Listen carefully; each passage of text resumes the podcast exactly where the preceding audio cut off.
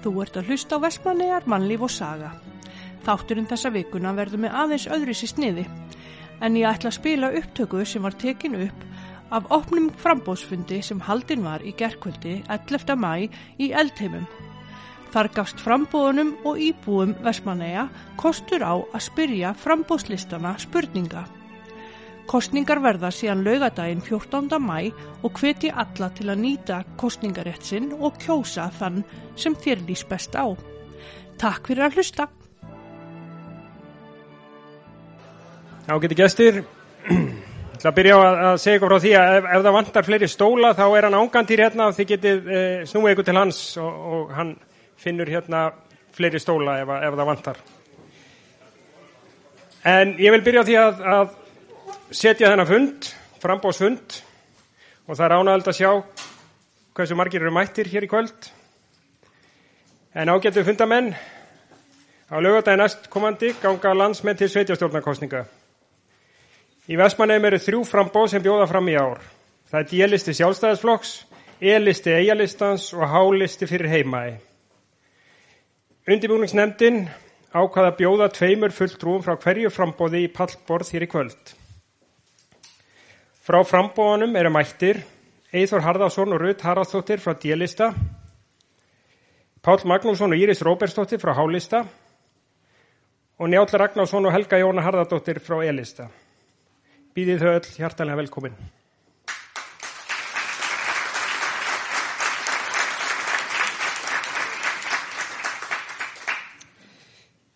Það er einleg von okkar sem að fundinu standa að hann verði gaglegu bæjabúum og upplýsandi. Sjálfur heiti ég Tryggvi Már og ætla að stýra þessum fundi hér í kvöld á samt Ölmu Eðvaldsdóttur. Katrín Lauvi verði tímavörður og Sveinbjörg og Þórildur verða með hljóðnefman í salnum fyrir spurningar og sal þegar því kemur. En áður en lengra haldið þá ætlum ég að byggja Kötulöfi tímavörð um að koma hér upp og draga um í hvaða röð frambóðin hefja sína framsögu. Það frambóð sem fyrst kemur upp úr skálinni mun hefja leik og svo kolla kolli.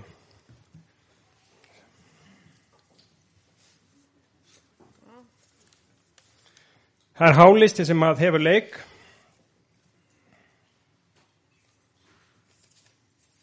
Því næst er að e-listi. Og þá endingu D sem endar, D-listi. Þegar að framsögum frambóðana líkur er hvert fram, en hvert frambóð hefur í mestalagi fimm mínútur í framsögunar taka við spurningar. Fyrst frá fram, frambóðin að beina spurningum til hinna frambóðana og síðan gefi boltan út í sál. Fundinu líkur svo á stuttum lokaórðum, það sem hvert frambóð fær þrjár mínútur. Eitt frá hverju frambóði og verður dreyið aftur um röð þar. Vil ég endingu minna fyrirsperjendur og sál á að hafa spurningarna hnitmiðar og málefnilegar og taka fram til hverja þeim er beint, hvort sem það er allir eða, eitthvað, eitthvað sérstaklega frambóð. Að svo mæltu þá hefjum við bara leika á framsögum og ef mig skekar ekki þá er það hálistin sem hefur leik, það er Íris Róbersdóttir. Það eru fimm mínútur á hvert frambóð og katalöfi gefur merki þegar ein mínútur eftir að tímanum og svo uh, flauta síminn þegar að tíman með lokið. Takk.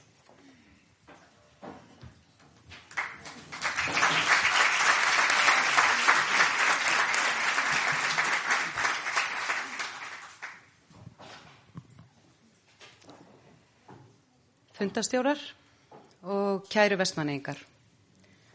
Á laugadaginn kjósu við um framtíðina.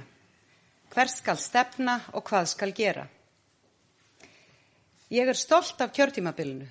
Við höfum lækkað álögur á fólk og fyrirtæki. Á sama tíma höfum við aukið þjónustuna. Við settum fræðslu og fjölskyldumál í forgang og fjárfestum í innviðum. Við höfum líka á tímum áfalla skilað jákvæðum rekstrarafgangi öll fjögur árin. Við erum á góðri leið með mjög margt en það er líka margt sem er ógert. Af hverju setjum við fjölskyldur í forgang? Af hverju viljum við að Vestmannegar veri fjölskyldu paradís? vegna þess að við viljum byggja upp og bæta aðstöðu okkar allra. Það þarf að koma til móts við fólk, ekki bara þá sem við viljum að sjá í tækifærin og flyti til okkar, heldur líka það unga öfluga fólk sem hér er fyrir. Þá þarf að hugað skólanum. Kveikjum neistan er samstarfsverkefnum bætta líðan og árangur grunnskólanema. Það þurfti pólitíska fórustu og áhuga hjá skólasamfélaginu hér í eigum til að koma því verkefni af stað og það gekk upp. Ég er gríðarlega stolt af þessu verkefni sem meðal annars tekur á stöðu drengja í skólakerfinu.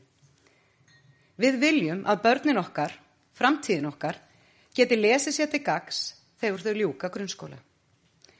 Við erum í fórustu í þessum málum og ætlum okkur að vera þar áfram. Á komandi kjörtímabili þurfum við að leysa það spennandi verkefni að hér verður áframhaldandi fjölkun. Í dag eru íbúðarnir ornir 4467 og höfum fjölkað um rúmlega 120 árum og ári. Það hafi ekki verið fleiri íbúar í Vestmannaugum síðan árið 2000. Við þurfum að mæta þessari þróun. Aukin eftirspurn verður eftir húsnæði, leikskólaplássum og svo þarf við að stiðja við fjölkun atvinnutækifæra. Ef við ætlum að geta mætt þeirri fjölkun sem við teljum að geti átt sér stað, meðal annars í gegnum nýja og spennandi uppbyggingu sem er fyrir hugur í atvinnulífinu, þá þarf að skipulegja og tryggja hér nægilegt frambóða lóðum og taka tillit til fyrstu kaupenda.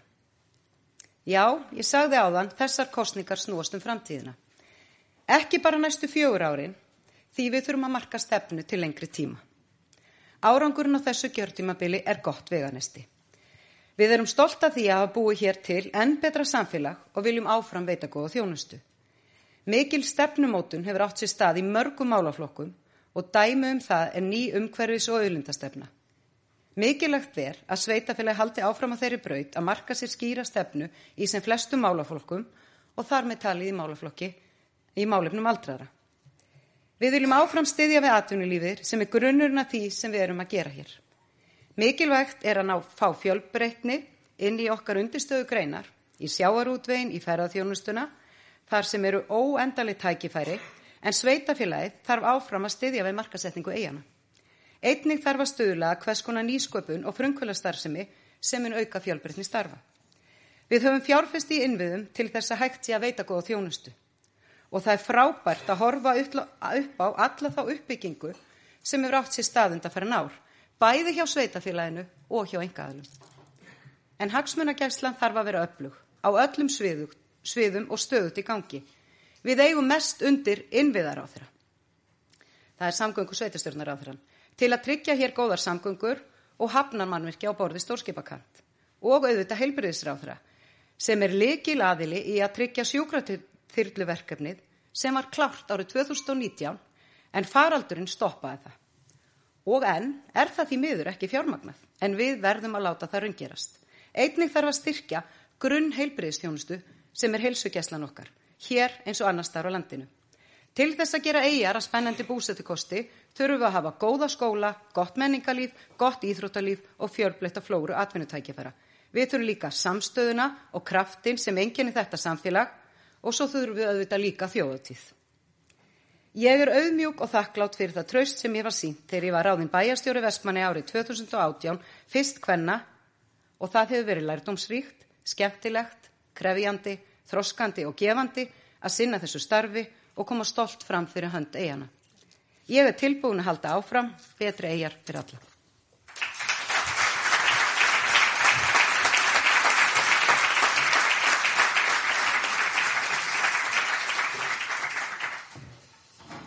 Þakkum Írisi fyrir. Þá er það næstur Njálf Ragnarsson og talar fyrir hönda eigalistans. Gjör svo vel.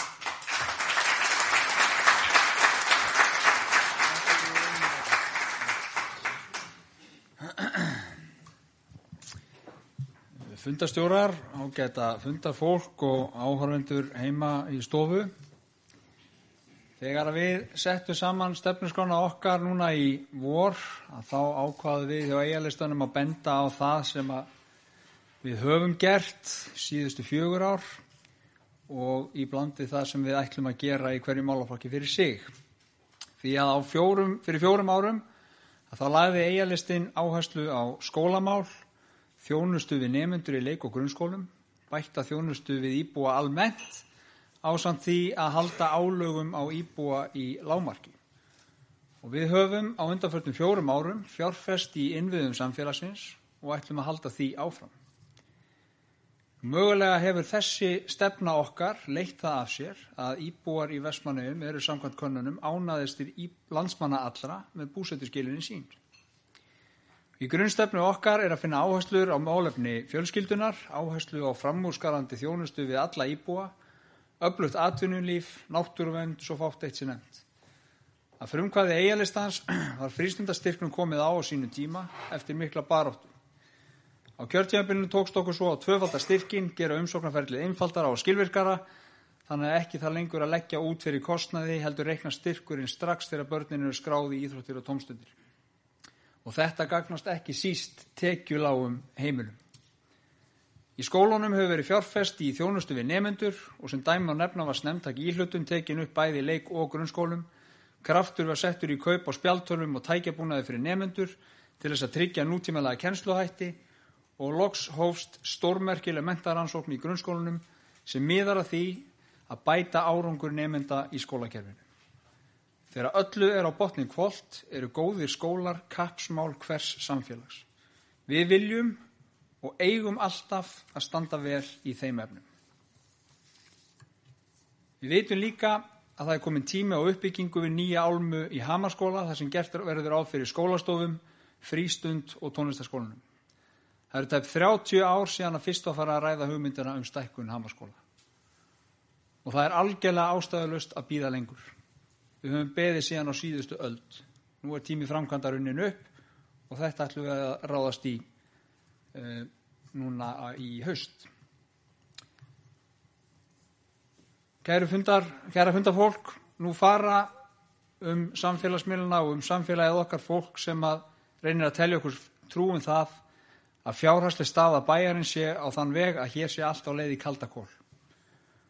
Allir þeir sem kynna sér ásveitninga Vestmanæðabæjar átta sér fljótlega á því að þetta er einfallega rámt.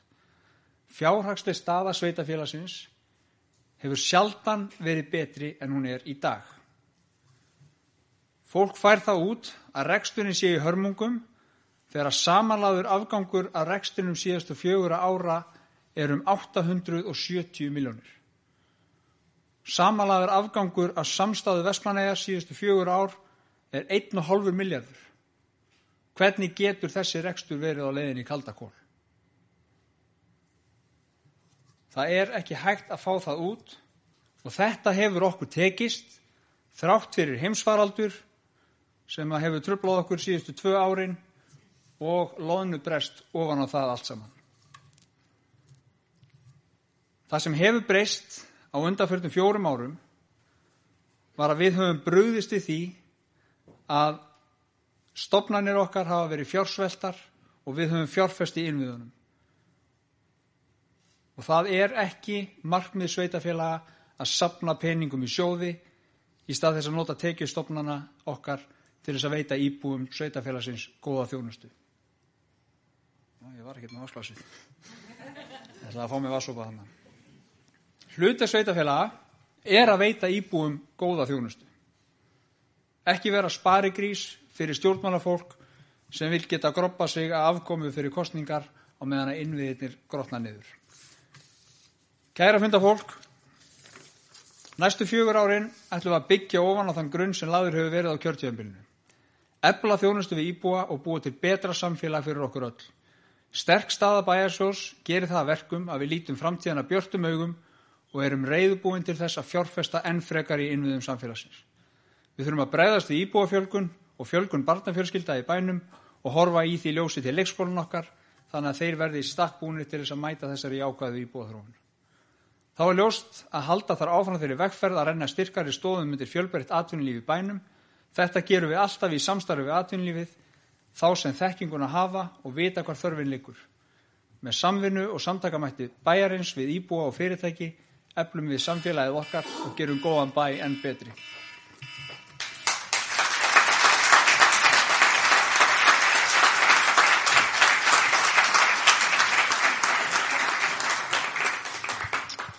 Þakkun Jáli Ragnarsinni fyrir og þá er það næst Eithur Harðarsson, tala fyrir hann díalista.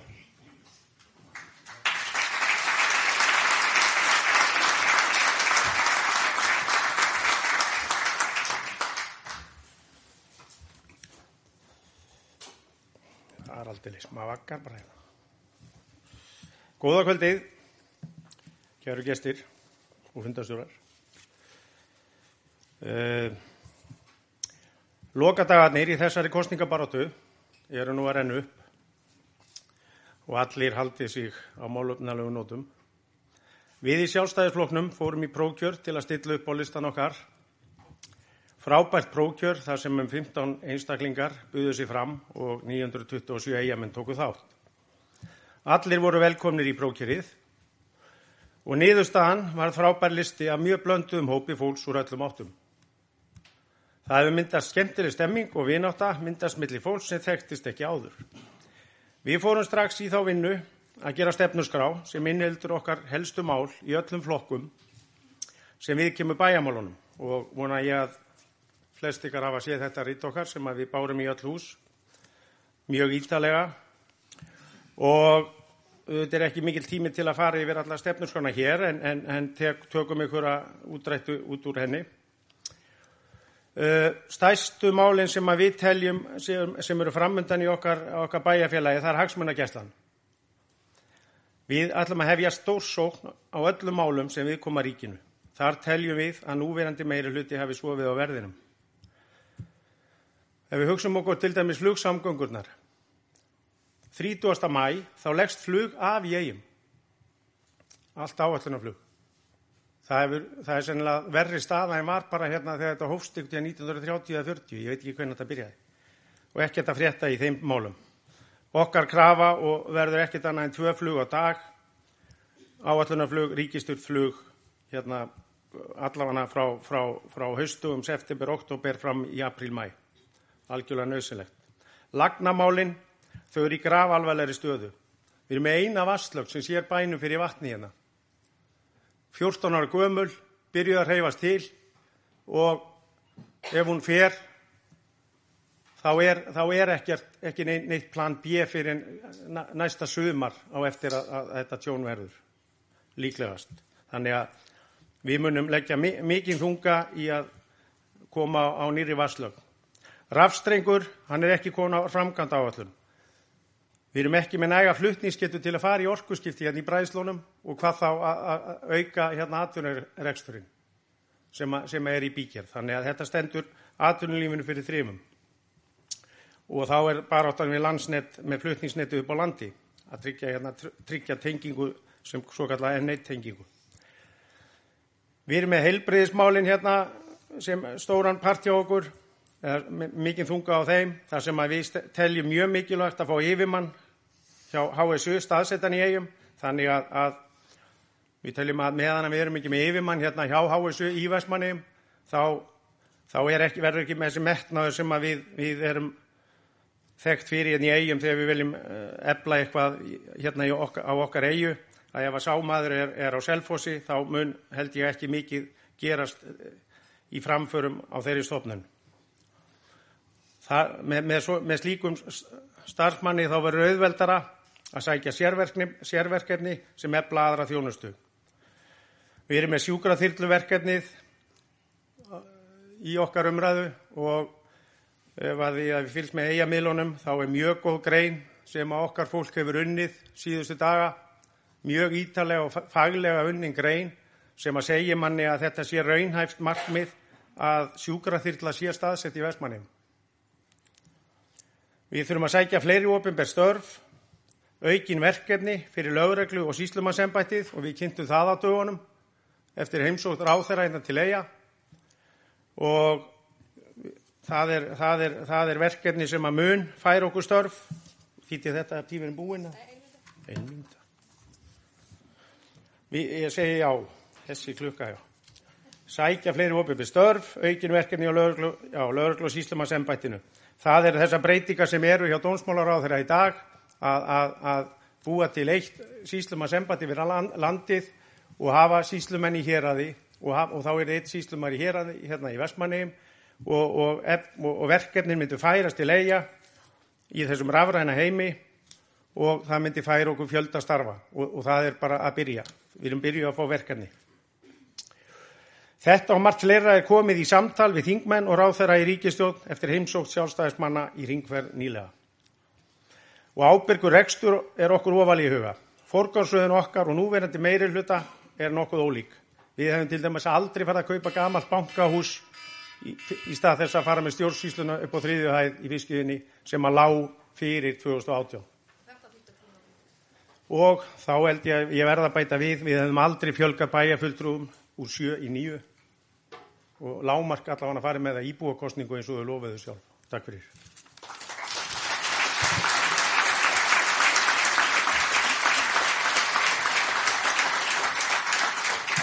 Jæja, næsta dagsgrá þá er uh, frambjóðundum gefs færi á að spyrja önnur frambóð, tvær til þrjá spurningar. Og ég ætla bara að draga hver á að byrja. Það er þú draga kannski. Þú er dragarinn. Og það er fyrir heimaði sem má byrja. Gjör við svo vel.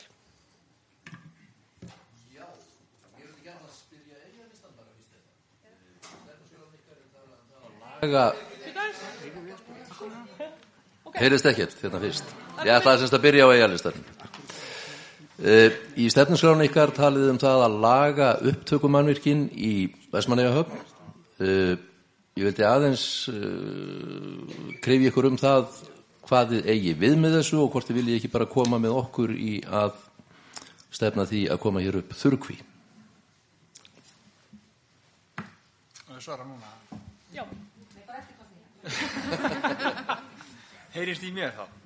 Er ekki rétt að ég taki þetta? Þú er bara að fara aðeins með Heyrist í mér? Já, þetta kemur að. Þetta heyri ég í sjálfum mér. Uh, uh, laga upptökumanningi, þessi, þetta mál er komið eftir fund sem við áttum með og, og, og bæjarstjórnur raunar öll með fulltrúum skipaleftunar. Uh, þar sem að skipaleftan er komið til ára sinna.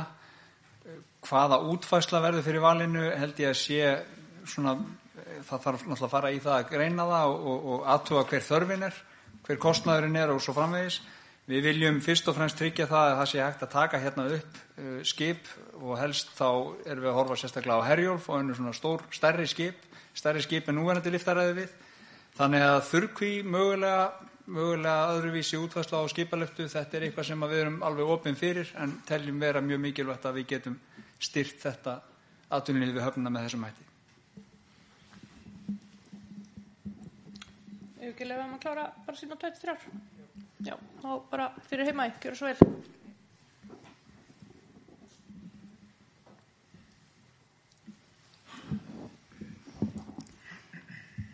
Það eru sjálfstæðisflokkurinn hérna og rítið sem hann eitthvað lyftir upp hérna áðan að það viða mikið eins og hann sagði og svo hafa þið verið að taka punta úr því og deila því á netinu með frambjóndum og mér langar að spyrja ykkur hérna þegar ég sá þetta hérna í dag við ætlum að stopna sköpunarhús fyrir ungt fólk með aðstöðu og stuðningi fagaðila til þess að útbúa miðlunar efni á fjöldasviða svo sem tónlistasköpun minnslu og tölvuleika gerð.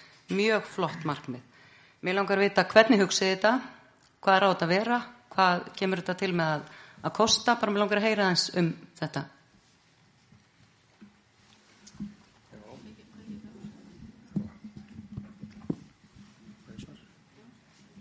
Er það kvikt á þessu? Já. Er í mér? Já, já. Þú last þetta nú bara upp daldi þannig að mér fannst ég bara skilja þetta eins og þú last þetta upp. En, en staðsetningin fyrir það er, er hugsuð svona möguleg sem, eh, sem til dæmis, það er ekki búið að fastsetja þetta, en, en ekki, þetta, er, þetta er hugmynd á hugmyndastígi, en við sjáum fyrir okkur tónlistaskólan þegar að, þegar að verður búið að byggja hérna Hammarskólan og flytja tónlistaskólan upp í, upp í Hammarskóla þá losnar í, húsnæði þarna, gamli tónlistaskólin og þetta þarf reyndar ekki svo mikið plást er, en, eins og þú last textan þá, held ég þetta að við nú skýrt sig sjálft sköpunarhús fyrir ungt fólk þar sem við sköfum ykkur aðstöðu og, og, og leiðsögn fyrir ungt fólk alveg eins og var hérna í, í gömludaga þegar menn voru með fiskiðuna fyrir margar hljómsveitir og svona ykkur aðstæða fyrir ungt fólk sem að spratt úr því fullt af hljómlistamönnum. Þetta er, þetta er ykkur skona soliðið sköpunar það sem að, það sem að krökkum sem að, ef ekki bara orðað þannig, það er ekki allir í handbólta og fókbólta og, og þetta er þá bara möguleiki, fjölbreytari möguleiki fyrir ungt fólk með, með, með, til að efla sína svona sköpunar gáður eða sköpunar þarfir. Ég spurði líka hvað heldur þetta kosti? Við verum ekki með verð með ásæn en þegar við erum að tala um ykkur aðstöðu og ykkur að leiðbennendur með eða, eða aðstóð þá erum við ekki að tala um mjög háar uppæðir. En, en, en það liggur í þessu ykkur kostnaður að sjálfsögðu. En ég get ekki sagt hvað marga miljónir. En gott að þú skulle spyrja um kostnað. Hérna fyrir heima, eru þið með þriðji spurningu? Nei takk, ég er góður. Ok. Þá skulum við bara draga um næsta. Næsta frambóð er... Da, da, da, Já, það er eiga listin. Gjör svo vel. Já, ég ætla að fá að spurja fyrir heimaðeg. Uh, nú eru þið með í stefnuskránu ykkar að þið ætla að byggja fleiri þjónustu íbúður fyrir eldri borgara. Eru þið tilbúin í það, að tryggja það að 20 þjónustu íbúður verði byggðar á næstu fjórum árum?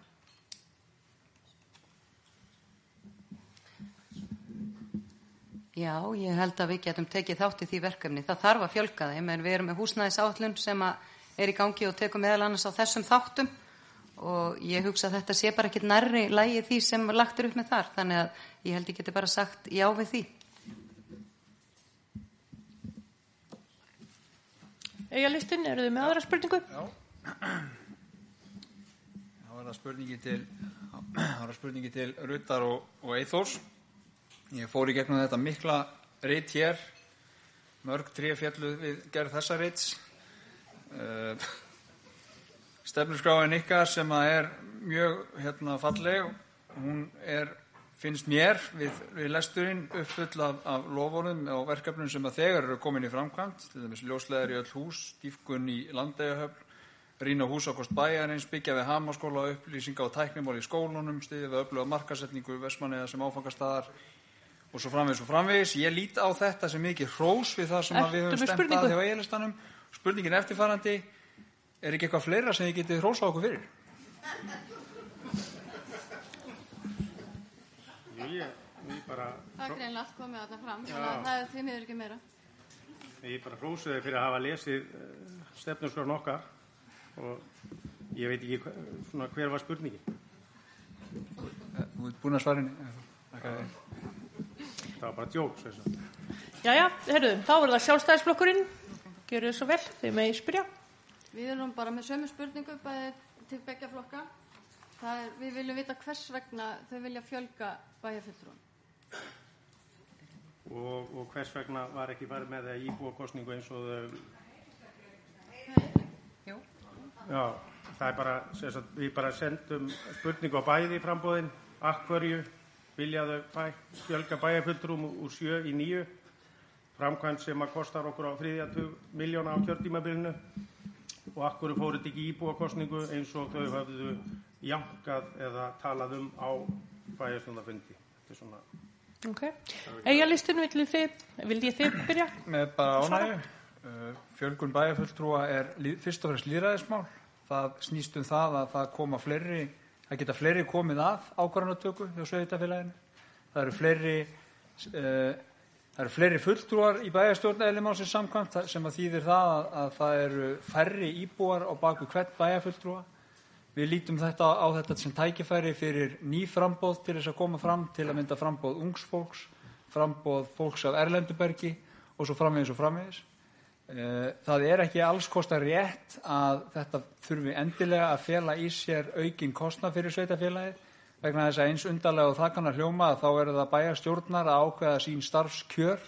Það fyrsta sem ég gerði fyrir fjórum árum var að ákveða hvað ég fengi fyrir að vera í bæjarstjórn og þar að leiðandi getur ný bæjarstjórn tekið ákvörunum að þetta kosti ekki neitt ef að henni sínist svo, getur þá breytt þessari ákvörun ef að hún vil gera það. Þannig að þetta er fyrst og fremst líðræðismál sem snýst um það að kalla fram skoðanir frá fleiri hópum í samfélaginu og þess vegna fórum við að stað með þetta. En ef þetta er fyrst og fremst líðræðismál, akkur verður þá ekki farið með þetta íbúakostningu og leifa íbúanum að kjósa með um þetta? Hefur ekki að segja að íbúar kjósi um þetta í kostningunum núna í vor? Eru þið með aðra spurningu? Já, fyrirgjöð, fyrirgjöð, fyrirgjöð, fyrirgjöð.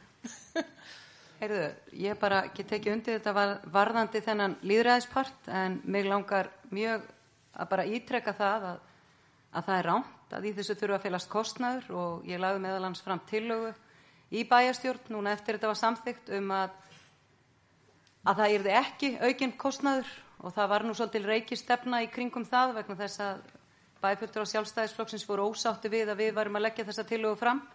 Að því auðvitað er það eins og kom fram í máli njáls að það er nýra bæjastjórnar að ákveða kaupið sitt en þetta var samt sem áður til að sem að ég mun leggja aftur fram ef ég verð kjörinn fulltrúi að þetta mun ekki felast í þessu aukinn kostnaður en það eru auðvitað fleiri sem koma af ákvarðanatöku og ég tek bara undir með njáli að það er bæjabúum bara í lofa lægið að kjósa um þessi mál núna ef þetta er það sem er þeim efst í huga varðandi málefni sveitafélagsins. Sjálfstæðsflokkurinn eru þið með aðra spurningu? Jú, bara, eigum við, hvað eru með marga spurningar? Þið eru með tvær. Það eru komna tvær, já. Eina, eina spurningu viðbútt. Það eru tvær til þrjár. Ég sagði það í upphafi. þú rugglaði mig, ég var, ég komið með eitthvað svaka Þú er að tala í mikrofónum, takk. Já, já, spurningin er þá bara svo höldum okkur við þetta líðræðismál úr því að því teljið þetta minnsta málið að, að, að, lækka þá bara kaup sveitastjórnamanna við að fjölg fara í nýju. Haldið því þá að, að þetta auki áhuga fólks sem er út á vinnumarkaðinum og al, almenni launamenn sem þurfa þá að taka sér frí í sinni vinnu að, þetta efli, auki þeirra áhuga á að taka þátt í sveitarstjórnarmálum ég skil vel að fólk sem að þarf ekki að taka sér frí í vinnu og, og, og, og er þetta sem algjört aukakaup þetta- Eyþór, hver er spurningin? Spurningin er, telja þau að þetta auki áhuga almennings á að taka þátt í sveitarstjórnarmálum að lækka laun sveitarstjórnarmanna sem eru nú ekki mjög há Egja listinu að þið svarið fyrst. Ég get allavega bara svara fyrir mig að ég tek ekki þátt í, í bæjarstjórnarkostningum út á launum. Ég ger það út á áhuga og ég brenn fyrir því að, að vilja vinna fyrir samfélagið.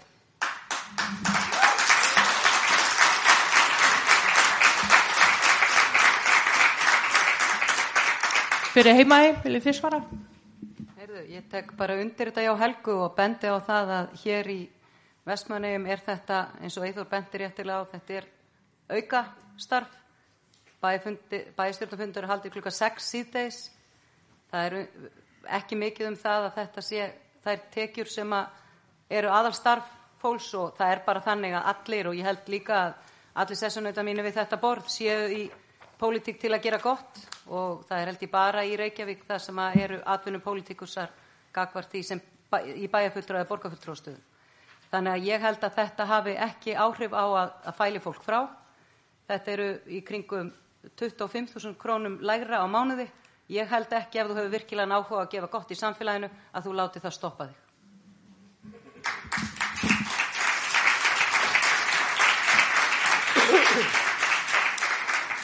Þá er þessum lið lokið og nú fá fundargestir uh, tækifæri til að spyrja frá bjóðundur og hann tryggvi már allar að stjórna því. Ekki honum gott klapp eða?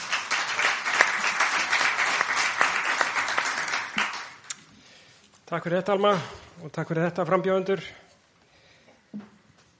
Já eins og Alma sagði þá ætlum við næst að, að eh, vinda okkur í spurningar úr sal og það er í örugla marga spurningar sem brenna á ykkur kæru gestir og ég ætla að ítrekka það að byrja ykkur um að vera með, með málefnilegur og hnitmiða spurningar og taka fram ef það er ef þessi beint til einhvers ákveðins frambós eða til allra. E, Þórildur og uh, Sveinbjörg eru með mikrofónuna eða ángantýr og Þórildur eru með hljóðunemanna á lofti þannig að þið þurfum bara rétt upp hönd og þau koma til ykkar með og, og, og þið fáið að byrja upp eitthvað spurningu. Það er líka náttúrulega verið að streyma fundinum uh, á netinu og, og þar gefst einnig áhörendun færi á að senda inn spurningar á tölvupóstfang sem var búið að kynna vel og rækilega í dag. Þannig að uh, eir2022 at gmail.com þannig að uh, þið sem heima eru þið getið ennþá komið fram uh, með, með spurningar en er ekki einhverjir sem að vilja spyrja hér í salnum hvernig er það? Birgir Nílsen, gjör svo vel Hún fær mikrofón hérna frá ángandi.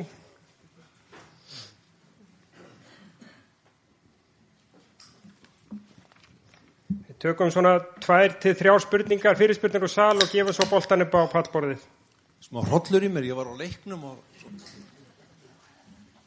Á vönd, Birgir Nílsen heiti ég. Eh, Ég ætlaði nú bara hérna, að spyrja meirulutan uh, sambandi við nýbygginguna í Hamaskóla. Sko ég, sambandi tónlistskólan eins og okkar, uh, þann frábæra skóla, hérna, já ég hef ekkert séð ekkert að ykkur koma í skólan hjá okkur. Og, og þessi, þessi bygging sem við erum í núna er gjörsamlega sko laungu búin. Og til dæmis bara það er náttúrulega engin lifta í, í, í skólanum þannig að það geti ekki allir sótt nám við skólan þannig að hver er ástæðan fyrir því að við erum ekki löngu búin að byrjuð á þessari byggingu? Takk fyrir þetta Birgir. Tökum eina aðra fyrirspurn og salárinu við eh, gefum boltan aftur upp á, á pallborð.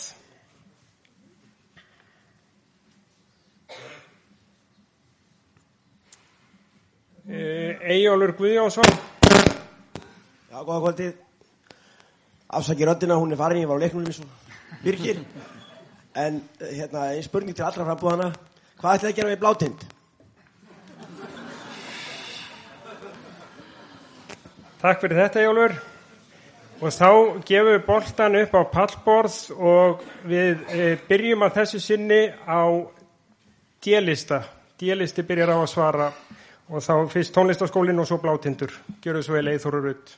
Já, ég held að við fáum þessa spurningu oft í okkar hóp bara upp í áskarði, sem eru þá eintómir sjálfstæðismenn og það er, það skiptist hópurinn algjörl í tvær fylkingar, sumi sjá hann fyrir sér sem bara frábara brennu á fjósaklett, meðan aðrir vilja gera hann upp og, og gera veg hans mestan. Og við, ég held að, að, að, að niðurstað okkar væri að við viljum sjá hann komast, í, komast upp á sitt upprunnaða svæði þar sem hann fór af stað við, við Hafnagarðin eða hana, á skansinum. Og, og kanna hvort það sé ekki hægt að setja hann í það horf að það sé hægt að hafa hann þar til sínis og, og, og hérna sem minnismerki um, um skipasmíði í Vestmanni Takk fyrir það, Eithór. Þið, uh, hinni spurningun var ekki beint til ykkar, þannig að uh, við förum þá næst yfir til hálistans sem að uh, getur þá svara bá, báðum þessu spurningum. Gjör þið svo vel.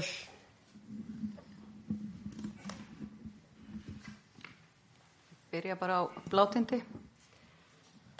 Alltaf sé ekki allstaðar þannig, ég held að skiptist nú ekkit í, eftir stjórnmálaflokkum hvað fólk vil gera við blátind, en bara svo það sé upplýst að þá þá hefur Frankand og Hafnaráð verið í samstarfi við minnjastofnun og það búið að vera að taka eða þeir hafa tekið að sér að svona fara svolítið í gegnum það hvað er þetta að gera og þeir vilja, eins og kom fram hérna, þeir vilja venda blátind og vilja gera þannig úr gardi að hann geti verið hér til sínis en það kostar gríðarlega mikla peninga og þeir hafa skilning á því að það á ekki endilega að vera hlutverk sveitafélagsins að gera það eitt og óstutt.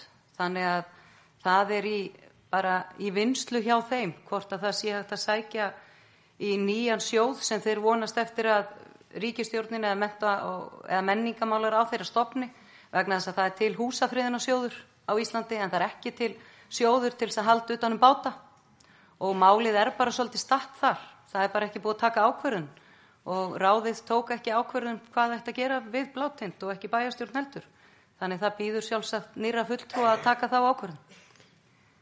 En varðandi hamaskólan, þá verð ég nú bara að segja eins og er, er byggi, ég bara akkur er ekki löngu búið að byggja. Það var ekki þannig að 2018 kom í ljósa að það var ekki lifta í húsinu, sko. Ég er bara líka búin að koma í heimsókn, ég með þess að koma í kaffitíði og ég hef oft komið inn í skólan. Ég veit nákvæmlega hvernig skólinn er, það löngu komið tíma að byggja hamaskóla, Það var fyrir aldamótin sem við tekin ákvörunum að klára skólan og við erum að sjálfsögðu að fara í það verkefni og byrjum það á þessu kjörtímabili. Þetta er bara flott brýning til allra, ekki bara til meiri hlutans, vegna þess að við höfum tekið sameilar ákvarðanir í öllum skrefum í þessu máli. Við erum með í bygginganend, eru fulltrúar frá öllum, þannig að þetta er bara flott brýning en það eru ríkar ástæður fyrir því og það hafa komið fram í fundagerðum að það var meðal annars COVID sem trublaði hérna, þarfagreiningavinnuna því það þurfti stór hópur af fólki að koma saman. En málið er á, er á góðum stað, við erum að vera fórtekningavinnan og þetta er, þetta er komið á þannig stað að við vonistlega geta bóðið þetta út á þessu ári og það á að vera, það eru peningar í það. Og ég er algjörlega samanlega með tónlistaskólan, það búið að vera óásættilegt ástand þar fyrir fatlaða frá því að tónlistaskólinn var settu þar inn. Takk fyrir þetta Íris og þá er það eigalistinn að svara báðum þessu, spurningum. Já, uh, ég ætla að fá að svara bygga. Takk fyrir spurninguna. Uh, fyrir að fyrsta þá nefndur ég að þú verður ekki búin að sjá okkur. Ég kem nú reyndar hérna vikulega á, á hérna kóraðingum með kvennakurnum. Það er reyndar á sunnudum, þú er kannski ekki vinninu þá. En ég ætla að misnota aðstöðu mín og auglýsa hérna tónleika kvennakursins í næstu viku. En varandi bygginguna þá var það 97 af minnir sem að teikningar af skólanum komu og ef ég mann rétt að þá var sjálfstæðarsflokkurinn í meiri hluta þá og gauði bæjastjóri. Það er aldrei búið að vera tími til þess að klára þetta og við erum náttúrulega búin að vera, eins og Íris var að segja, að vinna að þessu á þessum fjórum árum sem hefur þó tafist. En það er ekkit annað stuðin en að bara fara að klára málið. Mér langar að svara Ejjólu. Takk fyrir spurninguna Ejjólu. Mér gruna á hann kemi. Uh, varandi blátind, sko, sko ég, ég hef ekkert sérstaklega sterkar skoðanir á því hvað við erum að gera við blátind. Uh, málið er statt í framkvæmt að hafnaráði eins og, og bæðisturinn fór inn yfir á þann. Uh, hvort að sveitafélagið eigi að fara með mikla fjármunni að gera bátinu upp. Það er ákvörðun sem að býður þá næstu bæjarstjórnar. Uh, ég veit ekki hvort að ég telji það besta, bestur ástöðun á fjármunum sveitafélagsins. Uh, mögulega sjá enga aðlar fyrir sér tækifæri í því að gera bátinu. Mögulega er þetta að kalla einhvers konar hérna, minja nefnd eða minja sjóð eða hvað það heitir til þess að taka þátt í þessari, þessum endurbótum. Ég hef engan sérstakann áhuga heldur á því að farga bátnum. Þannig að, að málið er í kerfinu, það er statt þar og, og, og vonandi fæst niðurstaða bara úr því sem fyrst. Því að það er bátinum er ekki síndu neitt sóma með því að hafa það sem hann er, það sem hann býður eftir í að skemmast. Þannig að, þannig að þetta, þetta þarf bara að fara að klárast. Takk fyrir þetta, Njáll og Helga. Þá ætlum við að gefa boltan aftur út í sál og fá fleiri fyrirspurnir til frambjóðenda. Ágættir er komið með Gísla Inga, sínist mér. Gíslingi, gjör svo vel. Og það er Gísli. Uh, ég er með spurning til meira hlutans og hérna, getur spurt tvær spurningar. Gjör svo vel. Okay. Uh, nú er farið miklar endurbætur á ráðhúsun til dæmis. Uh, er búið að fylgja, fylgja verka á allir alveg frá upphæfi og var gerð kostnara á allir upphæfi á ráðhúsinu. Síðan er næsta spurningin og nú er öflugt hérna, veitingastarf og ferðamálastarf hérna. Hversu vel var fjallað um það að dagina sjálfverka dælubúnað úr landiðarum? Það er komið. Já, takk. Eh, beinir þessu til Hálistans. Hálistans. Takk fyrir þetta, Gísli. Við fáum aðra fyrirspurn og sal. Me, til meiri hlutans, já. Já, ekki. Já, komið þið sæl. Ég heiti Guðmundur. Ég er með fyrirspönd eiginlega til allra en ég las í fyrrata grein eftir Njál Ragnarsson í eigafréttum sem mér fannst mjög áhugaverð. Þar lýsir hann því að hann kom frá færiðum upp veðraðri við því hversu döglegið þeir eru að grafa göng á milli eiga og innan eiga og um allt. Þeir eru alltaf með eina, eina tökung í, í, hérna, í vinslu, alltaf. Þetta með spurningu komið? Ég, já, fyrir ekki, spurningin er einfallega svo. Við erum búin að vera að eigða hérna endalisum peningu hér í landi og höfn svo miklum að það hefur döga fyrir hálfgöng hérna á milli. Spurningin er svo, eru allir fulltrúar sem hér eru tilbúinir í það að láta breyta þessari stefnu, hætta að móka peningum í sandin og búa til varanlegan veg hér á milli. Því að það eru 1200 menn sem að, eftir sem að Játt sagði, í einni eigu þarna í færium á bakvið 11 km göng. Þetta eru 18 km og við erum þó 4400 sem við sáum réttar um ára. Takk, takk, Guðmundur. Og spurningin er, er þið tilbúinir að fara í að berjast fyrir að breyta þessu? Takk.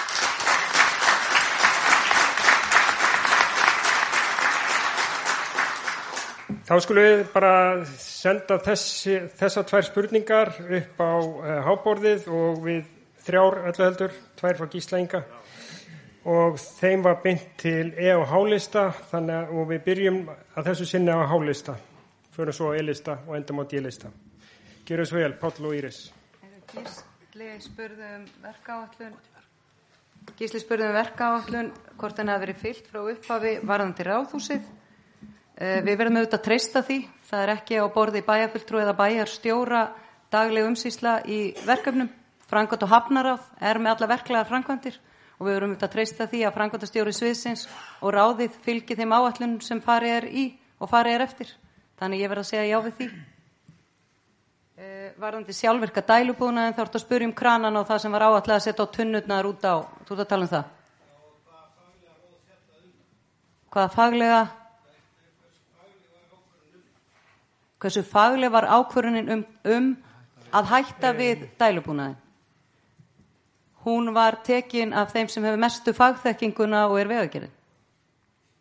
Hún fekk umfjöllun þar, hún fekk umfjöllun í bæjastjórn, þetta var ekkert í bæjastjórn og vegagerðin tekur þessa ákvörðun líka í það verða breytingar hjá vegagerðinni. Það tekur nýr aðili við yfir hafnar sviðinu sem fer onni í þær framkvæmdir sem eru, skipstjórar herjóls gerðu aðtöða sem til þetta og fleira og það veit ekki ákvörðun um að fresta þessu og skoða betur fórsenduna fyrir þessu.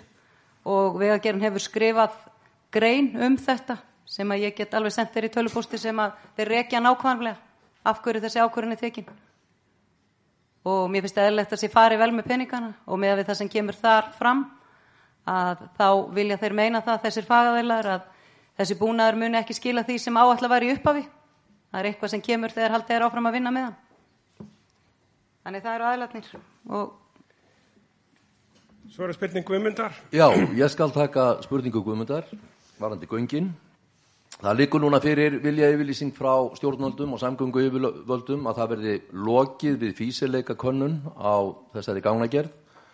Það verður ímislegt breyst eh, frá því að þetta mál var síðast til umræðu fyrir all nokkru eh, meðal annars það að það voru mikla framfarir í þessum svo kvölduðu ofanáleikjandi göngum, það er að segja ekki borað í gegn vegna þess að uh, mestu efasendirnar um það hvort að það væri físilegt að gera það lágu í því hvort að jarðfræðin eða jarðlögin uh, hérna á milli þyldu borun af þessu tægi líkt og því sem var til dæmis upp í kvalfyrði. En það likur sem sagt fyrir núna vilja yfirlýsing frá stjórnvöldum um að ljúka þessari físileikaköllun meðal annars með tilliti til þessara nýju tækni sem verður að nota núna víða um heim, ekki síst í Norri. E, þetta hins vegar kemur ekki í staðin fyrir það að halda landegjuhöfn opinni. Við verðum að halda henni opinni eins og kostur er og sem betur fer er núna að verða nánast, eða myndi ég ætla og vona, e, nánast byltingakent breyting á því með tilkomu nýs útbóst, nýs dýfkunarskips. Þannig að það er ekki eins og annarkvort eða. Við munum þrýsta á það að þessari físileika konun á gánagerðinni verði lokið en það breytir ekki því sem við verðum að gera í landið að höfna meðan. Takk fyrir þetta Íris og Páll og þá er það næst elisti. Uh, Þannig að spurningarna skýsla að Íris hafi nú bara svarað henni ég, ég hef ekkert engu við þetta bæta hvað, hvað hérna, við, við svarið hjá Írísi.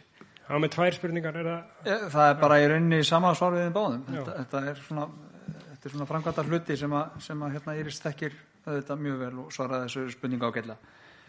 Uh, spurningi frá Guðmundi, takk fyrir hana Guðmundur, það er rétt í upp veðræðistuð að fara til færiða, það ætti allir að fara til færiða og skoða þetta.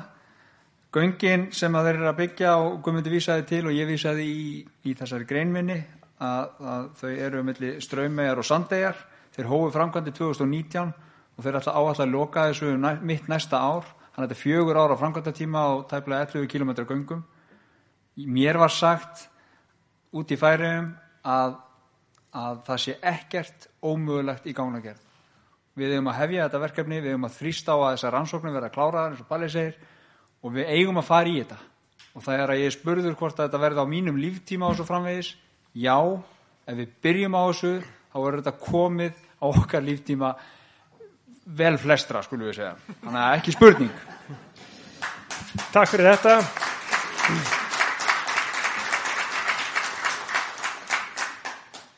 Þá förum við aftur út í sal og fáum tvær fyrirspurnir í viðbót. Hefur við ekki að fá að vera með göngin? Fyrirgeðu, fyrirgeðu. Það var einn til já. Ég Fór aðeins fram úr sjálfum mér Minni hlutin bara ekkert með. Og, og hérna, fyrst afsöknar af því. Sjálfsögðu verðast maður upp svo sem við við hérna svona gangnaumræði, við, við auðvitað stiðjum og erum með í okkar stefnusgrá og, og, og við viljum klára allar rannsóknir til þess að geta tekið ykkur ákvörðun með göngin. Þetta er umræða sem er frá því 2005-06 þegar að, ja, sennilega 2006-07 þegar menn hættu, við vorum, við vorum hérna, mörgurgla í þessum sal í, í félaginu ægistýr. Og það var búið að vinna gríðarlega mikla vinnu við að kanna jarlögin hérna og áttu eftir til að, til að kostnaða með það og engungu var eftir ykkur vinna, rannsóknarvinna hérna upp í, upp í fjöru og í gegnum sandin hvað, hvað það mynd, kostnaðurinn lægi í því og, og ég held að þetta sé bara þetta er, þetta er engi spurning að, að á næsta tímabili verði, verði þessi físileika konun kláruð og vonandi verður komin, verður pólitísku vilji á alþingi fyrir því að fara, fara í þessa framkvæm því að 2005 var, var þetta þjóðarslega hagkvæmt. En pólitíkin hafði bara ekki trú á því. Held að hafði bara ekki trú á því að, að það væri eitthvað viti að grafa göng hérna svona nærri jarðs, hvað maður segja eldgósasvæði en við vorum ekkert að fara með göngin í gegnum eldgósasvæði, vorum að fara með það í norðvestur á svo, svo kvöldu steindauðu móbergsvæði þar sem engi miskengi voru.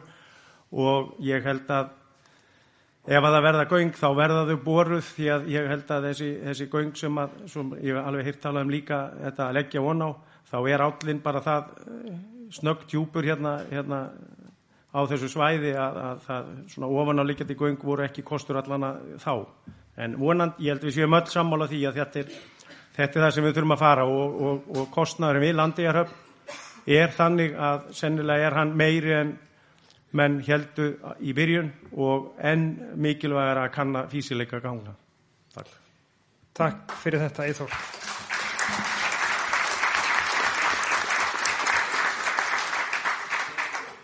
Og þá fáum við fleiri fyrirspurnir úr salnum.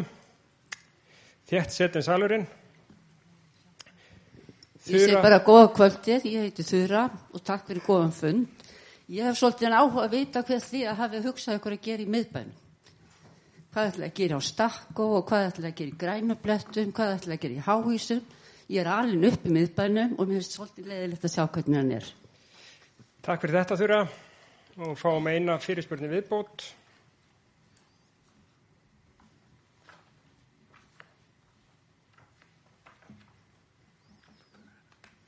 Og ég trú að þið hafi ekki fleiri spurningar fyrir vantalega bæjarfjöldrúa.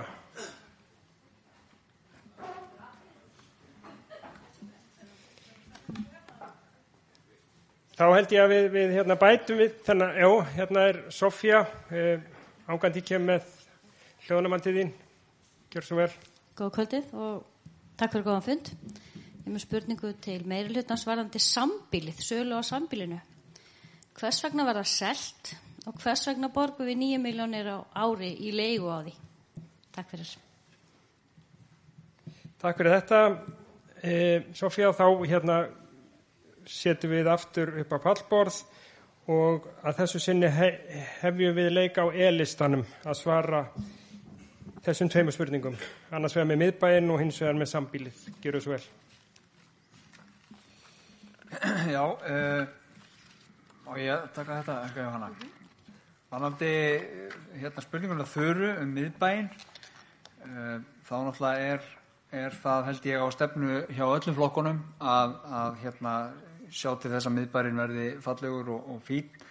Við höfum mikið rætt þetta, þessi hérna svona hvernig við getum, hvaða leiði við getum farið. Það eru hægt að fara ímsa leiði vissulega, það er hægt að búa til ákveðna kvata fyrir fólk til þess að hérna svona fegri í kringum sig og annað. Það er hægt að fara í framkvæmdir á viðum sveitafélagsins til þessu götu og við gangstíga, við lýsingu og annað og ég held að við getum hort til hérna vestmannabrautar það sem er mjög ágætlega hefnuð framkvæmt hvað það varðar að, að fegra svona það sem að snýr að sveitafélaginu.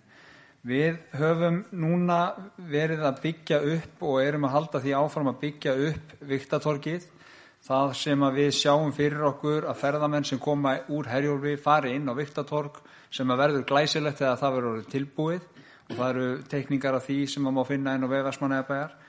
Uh, þannig að ströymur farið þanga og þá út á skans ef, að, ef að það er áhugi eða síðan upp í bæin í, í gegnum hérna, e, þarna upp á Viktatorginu upp á Stakkageristún, e, Bárugutuna og það svæði og, og svo náttúrulega upp á Stakkageristún og þaðan upp í Eldheima. Þannig að við erum svona að búa til leið fyrir ferðamenn til þess að sjá og kynnast því sem að er fallegasti hluti af miðbænum okkar. Uh, annars held ég að eins og ég segi það, það er hægt að búa til ákveðna, ákveðin verkefni og fara í það með ýmsu móti til þess að færa miðbæðin okkar þannig að ég fagnar bara öllum hugmyndum hvað þetta varðar því að þær eru mjög margar og ímislegt rætt og, og ég held að þetta sé eitt af því sem við þurfum öll að fara í bara virkilega að, að íhuga og, og halda áfram með Vanandi spurningurinn að Sofíu af hverju var sambílið selt? Sambílið var í eigu Brynjuhúsjós Eh, og Vestmannaði bara leiði af Brynjuhúsjóði eh, sínastarðsemi bænum böðst síðan húsnæði til kaups og, og við ákvaðum að kaupa það ekki. Það hefur verið í bæjastjórn mjög mikil samstáða um það að fjölga ekki enn frekar húsnæðum í eigu, eigu hérna, sveitafélagsins e, þannig að við gerðum þá samninga við e, Brynjuhúsjóð um það að við myndum áfram leia húsið og það er því sett inn í uh, söluferli hjá þeim að það væri leiðandi á húsinu. Við tryggðum okkur með öðrum orðum leiguna á húsnæðinu til framtíðar og, og þegar að húsi var sett á sölu að þá var það sett inn í söluskilmáluna að það er leiðandi á húsinu. Síðan selur Brynja húsjóður þetta hæstbjóðanda og þetta fór bara á, á markað og, og það er síðan bara hæstbjóðandi sem kaupir. Þannig var það ferli. Takk fyrir þetta, Njál. Þá er það næst djelisti og það var annari spurningunum beinti þeirra varandi miðbæin. Já, við viljum svo sannlega efla miðbæin og, og mynda eins og hefur verið gengum tíðina ás frá Viktatorki og fiskjöðunni, gamlu fiskjöðunni sem er nú alveg bæja príði og upp að Stakko og upp að, alveg upp að Safnahúsi. Við viljum Við viljum hérna laga bárustíðin. Ég segi nú eiginlega bárugötuna, ég vil alveg upp við það, þetta heitir bárugata en ekki bárustíður og erfitt með að venja mig á að segja bárustíður, en bárugatan við viljum endur hanna yfirborðið þar, það eru margar gamlar gámsleitarhellur og suma nýjar og allar tegundar þessu og styrkja hana sem vissgötu. Þannig að þetta verður svona bæjapríði og í bæklingunum okkar erum við með svona teiknaða grunnmynd að því hvernig við viljum sjá bárugötuna. Svo langar okkur að efla stakko þannig að það sé svona útivistasæði fyrir fjölskyldunar, jafnvel að gera svona grillaðstöð þannig að fólki geti fjölskyldu komið saman og grillað og haft notalega stundir á stakko því að stakko er bara allt og lítið nýtt með að þetta er frábært svæði. Takk fyrir þetta Rut og uh, svo er það hálistinn sem svarar báðum þessum spurningum varandi miðbæ og sambílið. Varðandi miðbæinn þá eru við nú greinlega flest bara svipuðum stað. Við vildum gera þryggjára áallum viðhald fægrun og taka umferðarskipulegði miðbænum inn líka. Það hefur verið kallað eftir því að einhver hluti miðbæjarins og þessa bárustífur báru gata, það er mikið rænt það hvort að það sé að gera hluta af því að göngugötu. Og þetta er bara það sem þarf að taka og það er ekki bara endilega bæjarins að ákveða það. Það þarf að ræða við lögreglu og aðra í tengslum við það og, og þá aðila sem eru við bárustífi en allavega þá þurfum við að taka miðbænum okkar takk, ég held við séum öll sammál um það. En það eru tækifæri og tækifæri felast líka í samstarfi fólkið í miðbænum og til dæmis nýstofna miðbæðarfélag sem hefur komið á fund held ég til allra frambóðana og hefur mjög margar góðar hugmyndir og ég held að það sé alltaf mjög farsælt þegar bærin starfar með engaðilum í að byggja upp og breyta. Og þetta varðandi hús og annað í miðbænum, þetta eru þetta hús sem fólk á þannig það þarf auðvitað að taka samtalið og vera í samstarfi við þetta fólk.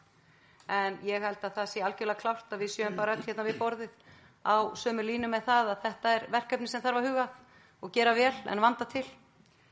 Varandi sambílið, þá fór njátlaðins yfir það hérna áðan en Brynja húsið var náttúrulega átti húsið. Vestmannabæri var ekki að selja það. Það voru allir bæjarfullturar upplýstir um það fyrir áramótin að húsið væri að fara í söluferli.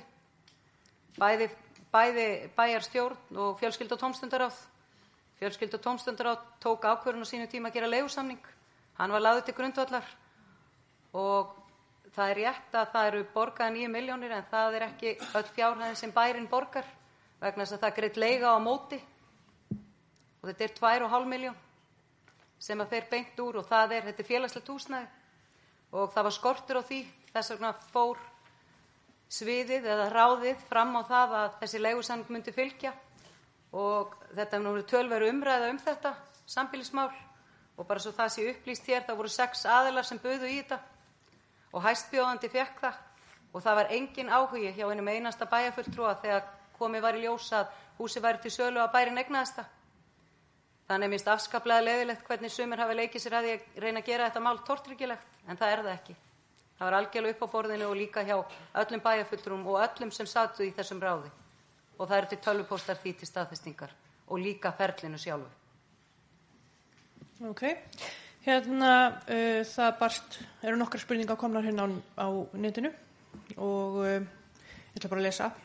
Sæl, mér langar að beina spurningunni til sjálfstæðisflokksins. Nú hefur oddviti listans gefið það út að hann hafi ekki áhuga á að setjast í stól bæjarstjóra, sökum annara starfa, samanber dagmál.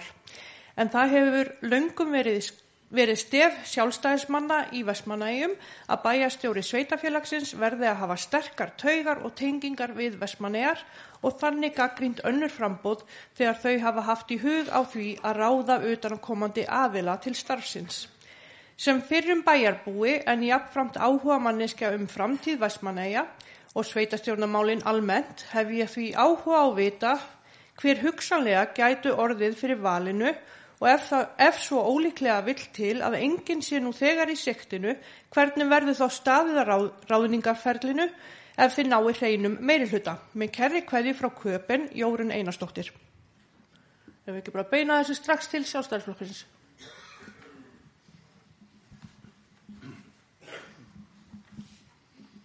Já,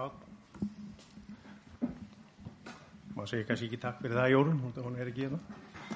En, en það er kannski ekki alveg rétt að ég myndi ekki hafa áhuga að vera bæjastjóri en, en en ég hef bara á, miklu meiri áhuga á starfinu sem ég er í þannig að þannig, þess vegna er ég búin að gefa það út að ég hef, er bara í annari vinnu og hef ekki áhuga á því að fara úr minni vinnu til að taka við bæjastjóra starfinu þannig að það sé á reyna að þetta sé ekki áhugaverð starfi, ég hef aldrei sagt það. Uh, við höfum, ég hef bæði sagt að ég ræðu og ríti að við ætlum eftir kostningar að leit okkur að bæjastjóra ef og þegar við vinnum meira hluta. Við erum, við, við fáum þessar spurningu stundum, þá hef ég lagt og sagt, við erum með átjámanna, stórkostlegan, frábæra lista að mínum mati. Við þurfum 20 manns til að sinn vera í meiri hluta í, í ráðum og nefndum á vegum bæjarins.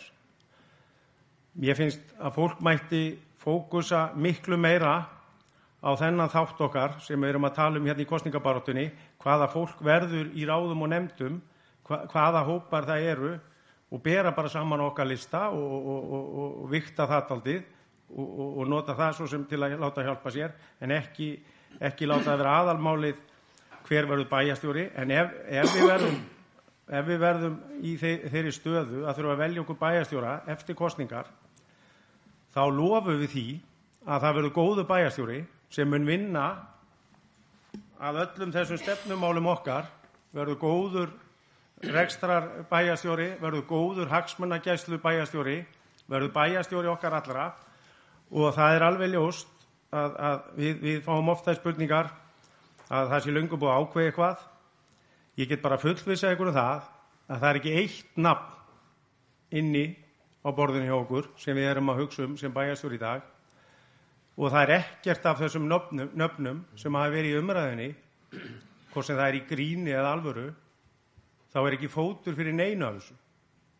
Og það er enginn af þessum hóp okkar inn í áskarði í dag sem að fólk hefur verið að nefna nöfn hérna og þaðan eða úr öllum áttum, ég veit ekki hvaðan þetta kemur það er enginn af þeim að verða bæjastjóri á næsta kjörtumil í okkur En, en hvernig ætlaði að standa ráningaferlinu?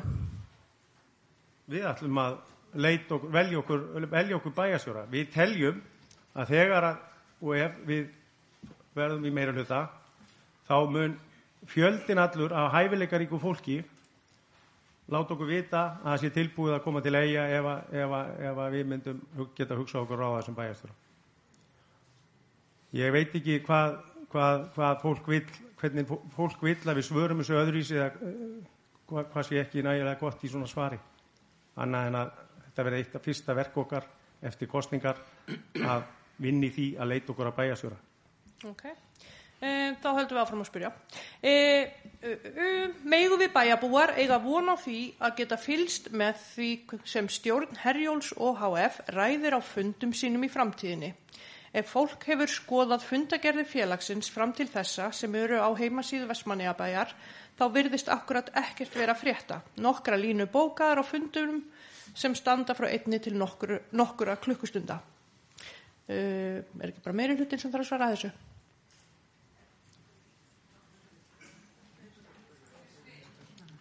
Það er nafnlaust.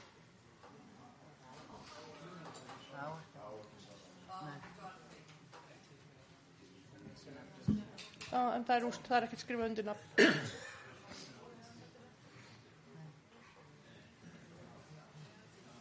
Það var í bóði, sko. Já, það var í bóði.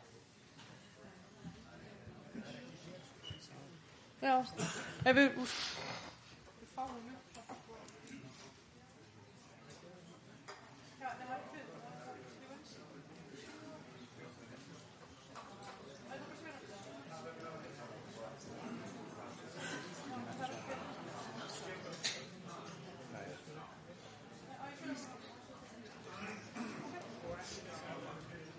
Heru, það er nú ekkert farið fram á það svo sem að þetta sé nafnlaust en nafnin kemur fram í náttúrulega hausnum á tölvupústunum þannig að þetta er sérst sævaldur sem er að spurja. Já, væntalega, væntalega alla. Afsakið. Ég er alveg nýið í þessu.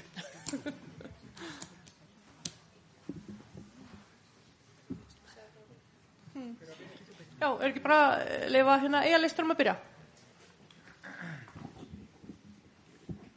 Ekki spurning.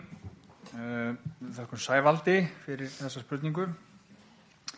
Uh, Herjólfur er ofinbært hlutafélag. Fundagerðir félagsins eru uh, settar á netið eins og fundagerðir annara ráða, eða sérst ráða og nefnda á vegum Vestmanægabæjar. Þannig að, að fundagerðinir eru aðgengilega þar. Var spurt um hvort að það ætti að standa meira í fundagerðunum? Já, bara hvort að bæjarbúar eiga vona á að geta fylst með því sem stjórn Herjóls OHF ræðir á fundunum sínum í framtíðinni. Því að það, það er eins og það sé ekki nógu mikið sett í fundagerðinar. Ég held að fundagerðir Herjóls, stjórnar Herjóls OHF séu rýtaðar alveg eins og aðra fundagerðir. Mm. Þa, það er ekki ítalegra eða minna ítalegra heldur en aðra fundagerðir. Það er hvað er tekið fyrir, hvað er rætt og hvernig niðurstaðan er. Þannig eru, eru fundagerðir rýtaðar hjá sveitafélaginu og öllum ráðum og nöfnum. Þannig að þetta er svarið mitt. Okay. Þetta, þetta er ofinbært félag og fundagendir eru það líka. Já, hvað segir fyrir heima? Já, ég get svarað þessu. Ég er svo sem talsverðar einslega af þessu. Ég stýrði ofinbæru hlutafélag í átta ár. Sko, það lítur auðvitað bara þeim lögmálum sem gilda um ofinbæru hlutafélag. Það er stjórnin sem ákveður sjálf hvað stendur í fundargerðunum. Hún, hún er síðan ábyrg kakvart eigandanum og hægt að bóða til félagsfundar hvernig sem er en tel ég eitthvað ábúta vant í því en þetta form var valið uh, fyrir reksturinn á þessu skipi og þá lítur þetta bara einfallega þeim lögmálum sem gilda um ofinbæra hlutafjölög og það sem ekki stendur sérstaklega í lögunum um ofinbæra hlutafjölög þá gilda einfallega þær reglur sem gilda um almenn hlutafjölög. Þannig að e, það stendur væntanlega hvorki meira en í minna í fundargerðum stjórnar Herjóls heldur en laga áskilnaður um og ég veit ekki til þess að það sé vantir neitt upp á það. Og sjálfstæðisflokkurinn? Ég held að sé búið að svara þessari spurningu. Þetta er OHF og það gilda um það ákveðna reglur og lög og það verður bara að fara eftir því. Mm -hmm. Þá er Hildur sem spyr hvað með ringtork á horni Bárustíks og strandvegar með pálmatri, hvaðja frú bókabúð. Þetta er væntalega ætla til allra, þannig að við byrjum bara á eigalistanum. Hvaðja frá hverju? Frú bókabúð. Frú bókabúð. Já, ok, þetta er, við, við, við frú bókabúð erum sérstakir áhuga menn um ringtork á þessum stað. Pálmatrið veit ég ekki, Reykjavíkinga fór ekki sérstaklega vel út úr stráunum við brakkan á sín tíma en, en hann að, þú veist, það kemur í ljós en, en þetta var skoðað og, og eftir því sem ég kennst best næst að þá var, er þetta of lítið pláss fyrir ringtork, sérstaklega að það er komið pálmatrið á það, en mér finnst þetta mjög góð hugmynd, umferðin þarna er of hröð og við þurfum að bregðast við því en plássið fyrir ringtork veit ég ekki hvort það sé nógu mikið en geggjuð hugmynd hjá frú bókabúð. Fyrir heimaði Já, við þökkum Erlu fyrir spurninguna. Hún ræðir þetta reglulega um að fer inn í Eymundsson en það er, hugmyndin í rauninni kemur þegar það var á sínu tíma málað á göttunumunni þegar það var tekið þarna á bryggju og þá voru aðkomu fólkið var að keira að fá fiskar svona var, og Erlu fannst þetta alveg geggjað. Og þetta rugglaði svolítið umferna þannig það var nú ekkert málað aftur í þessa fiska. En ég, er, hún er að meina þetta með pálmatrið sko. Hún byrjaði fyrst með tvö en hún er búin að minka þetta í eitt. En ég veit ekki alveg hvernig það er en sko ég skil hana vel að að, og ég hugsa flesti sem hafa setið að nynni sjá stundum mjög stóra flutningabíla og annað vera að keira þarna það er keirt mjög hratt.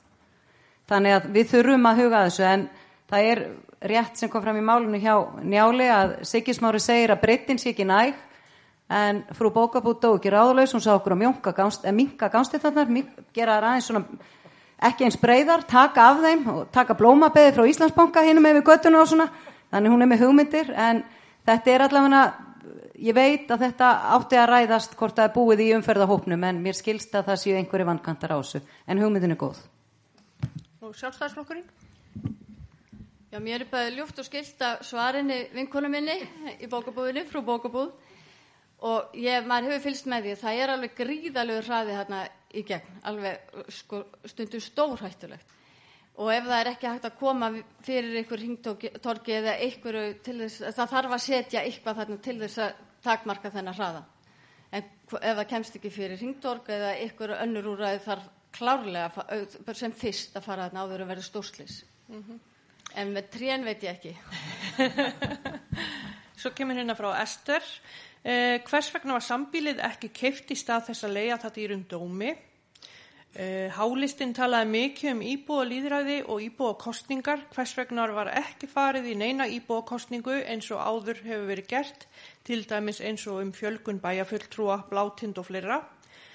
Þegar að Vestmanniða bæri keifti Íslasbankahúsi þá var hluti þess selt aftur til löffræðings bæjar, já, bæjarins. Hvers vegna var það selt en ekki leikt út? Hvers vegna skipti Há og Elistinn út Lúðviki og Grími úr stjórn Herjóls strax eftir kostningar og hvers vegna eru ekki lengur tvær ferðir á dag með flugi? Náðu þessu öllu? Já, það likur við. Ef við byrja kannski bara á fyrstu tveimur spurningunum. Hvers vegna var sambilið ekki keift í stað þess að leiða það dýrundómi og hálistinn talaði mikið um íbúalýðræði og íbúakostningar hvers vegna var ekki farið í neina íbúakostningu eins og áður hefur verið gert til dæmis eins og um fjölgun bæjafulltrúa og blátind og fleira. Og byrjum bara á fyrir heima í. Uh, Ég held að sé næstuði búið að svara báðum þessum spurningum, okay. kannski verið búið að senda þér áður en uh, varðandi af hverju var sambílið ekki keift, ég svaraði því áðan. Mm -hmm. og leikt dýrum dómi, ég held að sé nú alveg bara mati við því hvort að leigan sér dýrið ekki aðna en varðandi íbókostningarnar þá svöru við því hérna áðan og ég bara, það er tölver breyting á lagaumgjörðinni kringum íbúakostningu og íbúakostningarna sem hún sjálfsagt er að vísa til sem voru áður hérna, þar sem að maður var verið að kjósa um hérna, minni mig eitthvað undir löngu og hótelið. Það er ekki það sem er samkvæmt lagan að hljóða íbúakostning í dag, hún er tölvöld flóknari. En bara það hefði verið frábært að fara íbúakostningu á síðasta kjörtímabili, en það var því miður ekki gert, en ég er alveg klára á því að fólk getur kosið ef að það, það er það mál sem að er því efst í huga að bæfulltrum hafi verið fjölgað í nýju, að þá er mjög auðvelt að nota bara þessa kostningar til að kjósum það. Mm -hmm. Egalistin, viljið þið bæta ykkur við? Uh, varandi Íris er náttúrulega búin að svara þessu með, með hérna, sambílið. Mér langar nú samt að taka fram að ég vildi nóska frekara umræðan snýrast frekar um það að við erum búin að bæta við fleiri einstaklingsýbúðum í félagslegu leiðhúsnaði sem var svo sannlega þörf á. Þannig að þar vorum við algjörlega að, að taka á þeim málum. En já, ég held við höfum ekkert við neinu öðru að bæta mm. en það sem Íris segði. Vil sjálfstæðisflokkurinn tjá sig eitthvað um þetta? Viljið þið eitthvað? Nei. En að uh, þegar Vestmanniðabær keipti Íslandsbankahúsið, þá var hluti þess selt aftur til löffræðingsbæjarins. Hvers vegna var það selt en ekki leikt út? Og hvers vegna skipti Há og E-listin út Lúðviki og Grími úr stjórn Herjóls strax eftir kostningar? Byrjum bara á, á hérna E-listanum.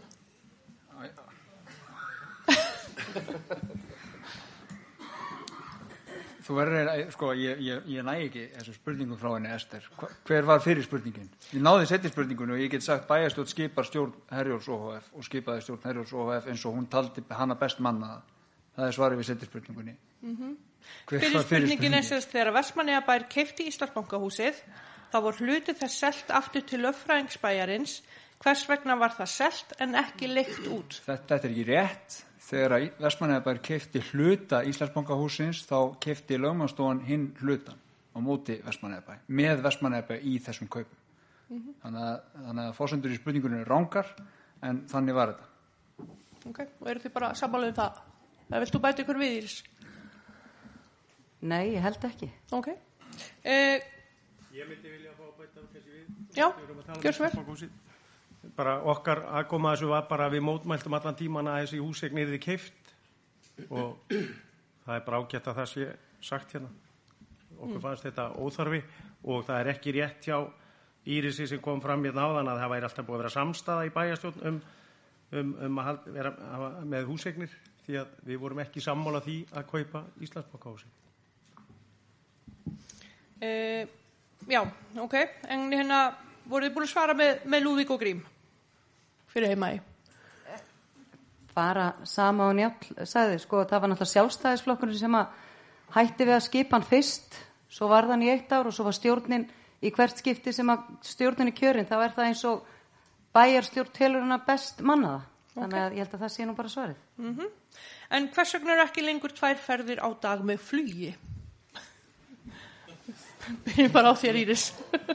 Uh, vegna þess að það hafi ekki verið tvær ferðir á dag með flugi tölvert lengi, löngu áður en við tókum við sem meiri hluti sko. Þannig við skulum bara hafa það á hreinu þannig að það er nú ekki á borði bæjastjórnar að ákveða flugferðir til, uh, til og frá Vestmanni en það er algjörlega klárt að það er þörf á því mm -hmm.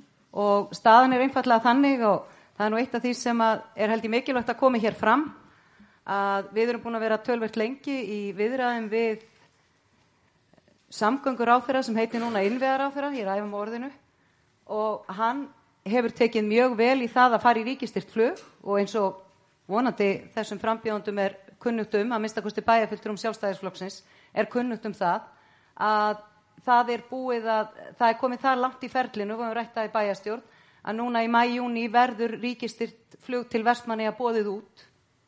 Það er búið að ná samkomulagi um það, við erum búin, það er búið að kanna það Það er leifilegt að styrkja tvær samgönguleiðir. Ráðnýtti þurft að kanna það, gagvart Evrópulögjöfinni. Það þarf að fara með flugið í útbóð á Evróska efnagsvæðinu. Það á að klára skýsluna, analytik er að gera skýslu. Þetta mál er komið mjög langt. Það er algjörlega óásættanlegt að sér, hér sé ekki flug.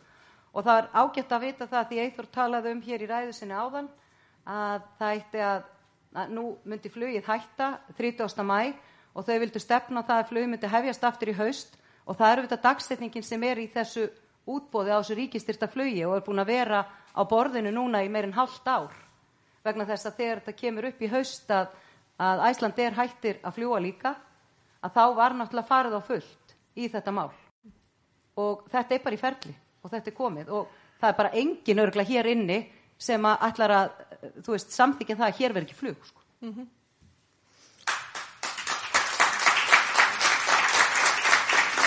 Já, þú veist, þú bæta ykkur við. Þú bæta ykkur við. Já, hérna, ríkistyrkur á flugi var feldur niður árið 2010. Þannig að kannski spilar þar inn í hverju er ekki tvær ferður á dag. Uh, en þú veist, eins og Íri segir, þá er mjög ánægilegt að það sé farið að stað í það að bjóða út ríkistyrk flug til Vestmanneða. Við eigum auðvita að Og meðan við erum ekki komið í göngin, Guðmundur, þá eigum við að sjálfsögðu að fara fram á það og það er eðlileg krafa okkar að hér séu tvær leiðir færar, annars vegar hérna, sjóleiðin og hins vegar flugleiðin. Þannig að ég bara tek undir með Ester, það á að vera flóiðinga, það á að vera reglulegt virt flug fram og tilbaka á hverjum einasta degi, það er okkar krafa og ég held að það sé bara virkilega ánægilegt og við getum öll glaðst yfir því að nú sé þetta, þessi ríkistyrkur að komast á aftur eh, sem að hefur verið í burtus í 12 ár.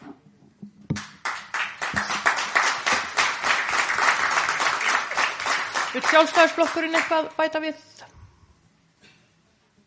Já, það við, við erum auðvitað bara með það algjörlega á reynu að við munum vinna mjög hart að því að fylgja þessu eftir og þegar að ráþærar og þingmenn komið hérna heimsótt til okkar fyrir hálfum mánuð síðan þá fórum við í rútuferð með þeim einmitt á þessa staði, stoppuðum við fyrir flugvöld og, og, og útskýruðum allt, allar okkar þarfir í kringum þetta. Við erum alla aðstöðu, það vantar ekkert annað en bara að komast í gang. Og við fundum ekki annað en á, á, á ráðherrum og þingmannum að þau ætlu öll að leggjast á eitt með okkur að koma þessi gagni því að það er alveg augljós meðan okkur er ekki bóðið upp á þessa heilbreyðstjónustu sem við, við teljum lámastjónustu hérna í Vestmanniðum þá er lágmarkaði skaffa okkur ríkistitt flug hérna fram og tilbaka okkur með einasta degi í raunin allt árið. En auðvitað er það nöðsynlegast frá hausti til vors á meðan við getum ekki farið í það sjöferðir á dag í landiröðin. En með þetta var eins og var í sumar, neðan í vetur, þar sem að fólk þurft að fara í herjólf til þólasafnar, 5 og 6 tíma siglingar, þá var þetta náttúrulega ófært og vonlaust fyrir fólk sem var að sækja læknistjónustu og, og sérstaklega eldra fólk. En þetta er auðvitað verið verið sammálum, en Ég held að við munum hafa mikinn styrk frá okkar mannum á alþingi og í ráð, ráð þeirra liðin okkar. Takk.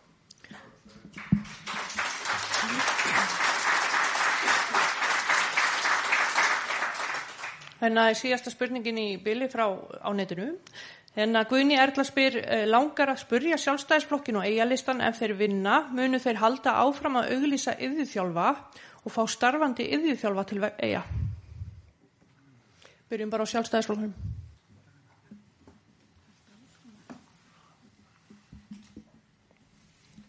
Ég bara verða að segja alveg og er að við vinnum að öllum góðum málefnum en ég skil ekki spurninguna, segðan aftur. Uh, langar að spyrja sjálfstæðisflokkinu og eigalistan ef þeir vinna munu þeir halda áfram að auglýsa yðurþjálfa og fá starfandi yðurþjálfa til eiga.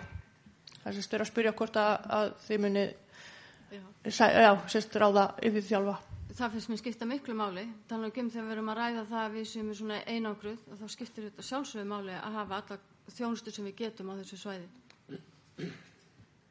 Og eigalistinn? Já, á sjálfsögðu munum við að gera það. Þetta er gríðarlega mikilvægt starf sem okkur vantar alveg ofsalega mikið hérna til eiga. Þannig að allir hérna sem er að hlusta hvort sem að þið búið eigum eða annars það er bara endilega að sækja um.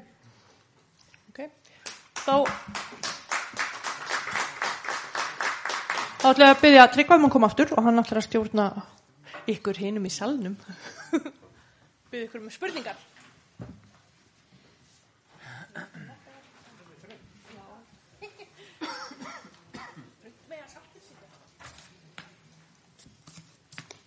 Takk fyrir þetta Alma. Við ætlum að enda þetta hérna með að fara eitt, eitt ring og fá, fá hérna tvær fyrirspunnur og sal og svo er bara komið að loka orðum frá frambóðanum. Þannig að tíminn hefur flóið og hún er langt gengin í tíu þannig að, að við skulum rúla hérna og fá e, tvær fyrirspurnur og tvær til þrjá fyrirspurnur úr sal og það er hérna er e, búið að býða morðið ángantýr, við byrjum, já, ok, byrjum þarna og förum svo hérna. Ingi Vargur heiti ég. Ég er með þrjá spurningar hérna. Fyrst að það var að tala um 20 íbúið fyrir aldra. Uh, hvað er þetta hugsað að þessar íbúið verði? Svo annað, það var að tala um að móka raunin í burtu til þess að ykkar pláss fyrir íbúðir. Hver er samstæða allra flokka í þeim málum? Og hvernig er með íbúðir eða hús sem er í nýðuníslu? Er einhver hvað er á því? Hvernig á að ganga frá því og þau hús er að verða? Takk. Eh, takk fyrir þetta, Ingi Bergur. Eh, það var eh, búið að byggja morði um hérna E...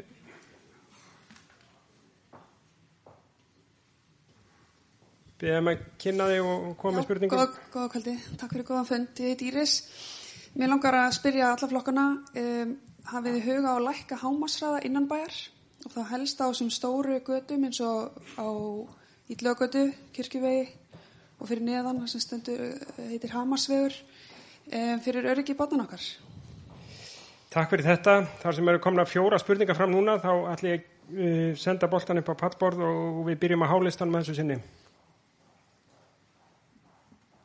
Heyrðu, íbúðunar, já, það er búið að ræða mikið um það að, eða ekki mikið, það verið tölvert rætt samt um að við viljum fara að byggja nýtt hjúgrunaheimili og við eigum fund núna með heilbriðsráð þeirra fljótlega, bæjaráð eða það bæjaráð sem tekur við, gagvar því samtali. En mér finnst mjög mikilvægt að þessar þjónustu íbúður séu í tengslum við þá þjónustu sem við ætlum að byggja upp fyrir eldra fólk. Og þegar er búið ákveða staðsetninguna á því þá finnst mér eðlilegt að þjónustu íbúðuna séu í náðlag við þá þjónustu. Og það fer eftir því hvort að það verði nýri bæ, hefur mikið kallað eftir því, það er nú ekki mikið frambóða loðu nýri bæ en það hafa nú komið hugmyndir og ég teka fram engin að brjálast, ég ætla bara að henda fram einu sem var sagt við mig. Ég vona að sé, jú, eithóru reyndar í Akokjes, það hefur verið nefnt þarna að það væri sniðugt að vera með einhvers konar uppbyggingu á hérna austasta hlutanum á stakko, ég er ekki að leggja þetta til, en ég er bara að segja að veist þetta hefur komið fram, en það þarf að koma þessu nær miðbænum okkar, nær því að fara nýr í bæ. Og mér finnst ekki endilega íbúðuna þurfa allar að vera á sama stað. Uh, varðandi raunið þá er þetta svæði í aðalskipulagi sem klárað var núna og unnið frá 2015 til 2018 og var í rauninni búið að klára áður en við tökum við, þá er þetta þróunasvæði og í því er lagt upp með að skoða hvað er hægt að gera, hvaða möguleikar er í rauninu og ráðið var nú allt sammála um að fara í það, að skoða það, umhverfis og skipilagsráð og í framhaldinu að fara svo í kostningum hvort eða að fara inn Þetta er náttúrulega sko gríðalegt tilfinningamál og það eru óbóslega skipta skoðanir um hvort, ef það er hægt. Fyrst þarf að að, þú veist, er þetta hægt, það þarf að losa efni og það er fullt af spurningum sem þarf að svara. Áður en þetta taka einhver ákvörðunum og jáfnvel um að hugsa um þetta. En það þarf að sjálfsögðu að fara í gegnum það hjá okkur bæjabúum. Við þurfum svolítið að taka held í umræðinu og hugsunna því þetta er, þetta er kynnslóðskipt líka. Þó að það séu líka mikið ungu fólki sem vil ekki fara að þá er meira, finnst manni oft hjá þeim sem að kannski upplöfu gósu og svona, en þetta er bara mál sem þarf að stíga mjög varlega til jarðar með og vandan vil til verka. Og ég tek undir með nöfnum minni, það þarf að taka umferðamálunum sérstaklega í kringum íþróttasvæðin okkar, íþróttahúsið og hérna Hamasvegin og fókbaltasvegin, það er keirt alveg óbáslega hratt en ég vil nú hrósa lauruglun okkar. Hún er mikið þarna í kring og stoppar marga. Jú, stoppa þig? Já. og hérna já. en staðan er þannig það er keirt allt og hratt. Vegna þess að það er fristandi að keira hratt þarna því það eru engar hindranir. Og það þarf að endur skoða hámarsraðan ég samt hef aldrei alveg skilið hámarsraðan við hérna á bárustygnum vegna þess að ég er á beinskiptum bíl og það má bara keira á tíu og ég get ekki kert á tíu og drefst á hann þannig það þarf aðeins að svona þegar verið að taka eh, lækkanan hámasræða, hann var sko 15 eða 20 og hann var lækkaður enn meira þannig að þetta er en hraðin í kringum íþróttamannverkin okkar þetta er sérstaklega þarna sko Það er minni hraði eins og í kringum barnaskólan en þarna er, það þarf að gera bráðabót á því. Takk, takk fyrir þetta. Ég er frábær og hættu. Þú ert Eh, engu betri. Nei, ég ger það ekki. Næst, Nei, næst til að svara er það eigalistin. Gjörðu svo vel. skammastu. Þú ert alltaf með bjór út á grillu veist hei, hvað það hei, segja. hei, við við skulum sleppa spjalli hérna. erjur hérna. Íris, ég ætla að fá að svara þér. Eh, Það er svo sannlega rétt eins og ég tek undir með Írisi að við þur, það má alveg skoða það að lækka hraðanarna. Við erum náttúrulega með umfæra hóp að störfum og hérna við myndum svo sannlega að styðja það ef, að, ef það kemur frá þeim hópi. Og náttúrulega frá íbúum. Uh, það má líka, eins og hún var að tala um, hún var að rósa lauruglunni, mér langaði líka að rósa hérna, grunnskólanum fyrir að vera með gangbreytavörsluna hérna yfir dimmasta tíman því að þetta er ótrúlega flott verkefni. Og sem að krakkarnir er að fá greitt fyrir sem bara virkilega flott.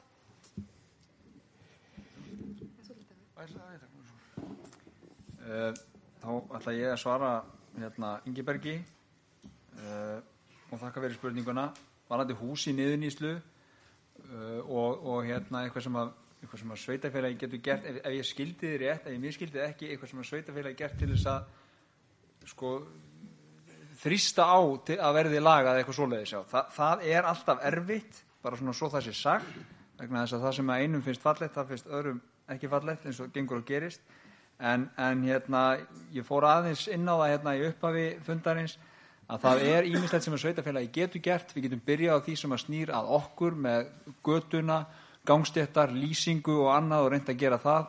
Það oft fylgir því að, að fólk fer svona að, að hérna, breðast við því og, og svona færa í kringu sig og annað. Það er hægt að búa til einhverja kvata fyrir fólk og fyrirtæki til þess að færa umhverfið sitt og, og við hefum lengi svona rætt það þannig að það, það er ímislegt sem þetta er að gera og, og, og við þurfum bara hérna eins og ég saði upp að við, við þurfum bara að fara í það í samtal um það hvernig við náum árangri í þeim málum. Uh, önnur spurningi eða fyrsta spurningi var um þjónustu íbúðir við höfum ekki sett okkur ykkur endalega kannski staðsetningu, við viljum sjá þetta miðbæ, miðsvæðis. Uh, það er, við sjáum það að, að uh, þessi hópur sem að þetta er hugsað fyrir vill helst vera í miðbænum og, og hérna, þannig að ég held að það sé alltaf fyrsta, fyrsta, fyrsti kostur hvað þetta varðar. Eftirspurnin er þar en annars er það ekki kannski eitthvað sem er búið að negla niður endanlega. Ég ætla ekki að fara inn á, inn á í, í, í Arineldin með Írisi með því að nefna Stakko þó að svo hugmynd hafi vissulega komið upp. Uh, Varðandi það að móka hrauninu í burtu Eh, Þarna er um að ræða þróunarsvæði.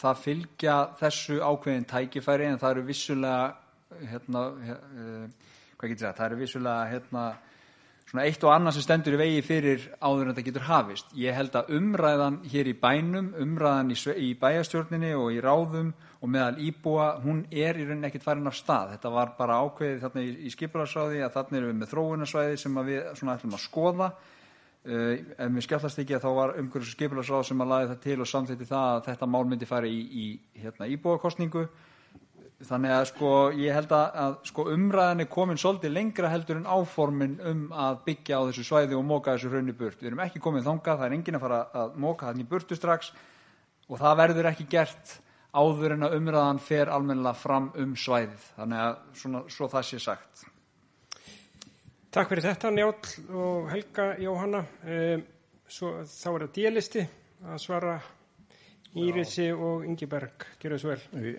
við byrjum á, á bara með raunnið, að móka raunin í burtu. Það er ekki á dasgró hjá okkur á næstunni allavega. Okkur finnst það ekki vera eitt af því sem að, ef við tólum um forgangsröðun, þá er ekki komið að því. Því að bara við það að hafa tekið eitt símtal á verktaka sem að mókar rúmmetrum af grjóti frá A til B, að þá talar hann um að þessi 680 rúmmetrar kosta um 700-800 miljónir lámark að flytja þetta í burtu. Þannig þetta er, svona, þetta er bara tala sem skýtur svona verkefni bara aðeins í pásu í mínum huga. Ég var í umhverfisráði þegar, að, þegar að þessi tillaga kom fram að, að, að skoða þessa hugmynd að, að hvort að væri þetta deiliskypileika inn í þessu, þessum, þessu, þessari, þá, þessu, þessu plássi sem er í grafið. Og þetta voru allir bara sammála því að leifa, skoða það á, á pappir en þegar að þegar að kom í ljós hvað þetta væri dýrt bara móka þessu raun í burtu og þær upplýsingar að þetta efni nýtist ekki í þá góðu framkvæmt sem við vorum að vonast til sem heitir stórskipahöfn þá er þetta út á borðinni og okkur í bíli allafana og við viljum eh, til að stækka byggingasvæði hérna þá í eigum þá erum við bara með okkar plönum náttúrulega löngulá að, skipul, að, að deiliskipulegja íbúabík þar. Uh, ég held að það hef ekki verið samþygt að setja þetta í íbúakostningu í einhverjus og skipularsráði heldur kom það tillaga held ég mér, frá mér og Margréti bara um að hvort þetta væri ekki tilvalit til að fara í íbúakostningu. Þannig ég held að þetta hef nú ekki verið samþygt frekar en annars sem við hefum komið með þar.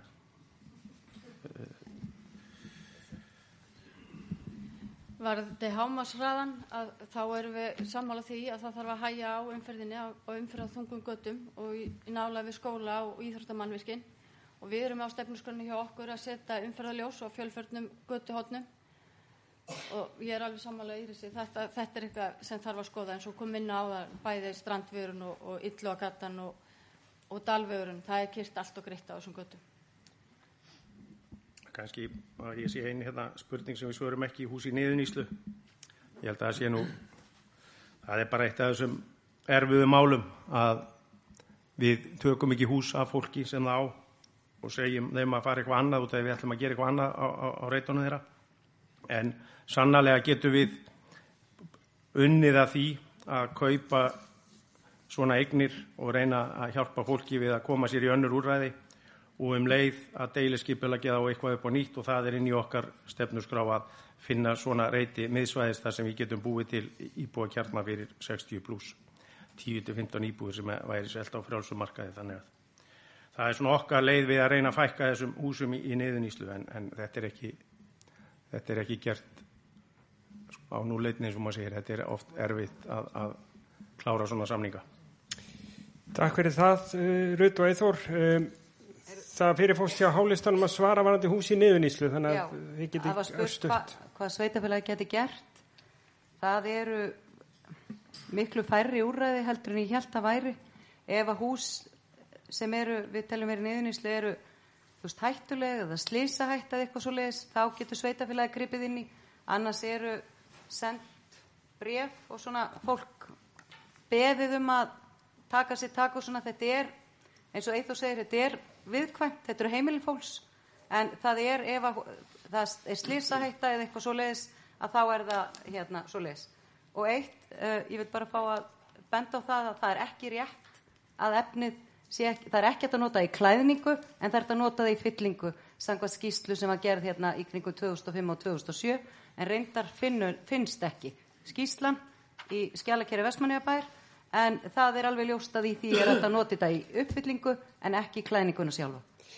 Takk fyrir það, Íris. Um, það, klukkan er rétt að verða tíu og það, uh, ég held við verðum að fara að vinda okkur í loka orðin. Um, það voru fleiri spurningar sem að koma á tölvupósti líka sem við náum því miður ekki að bera hér upp og við getum aðvalið setið hérna fram á, fram á þegar bara kjörfundur opnar og rétt málinn. Þannig að, að hérna, kjörfundur hefst öllu heldur. Um, en þá er bara næst að draga um röð á, á hérna, hverjir, hverjir byrja lokaorðin og á ég að draga.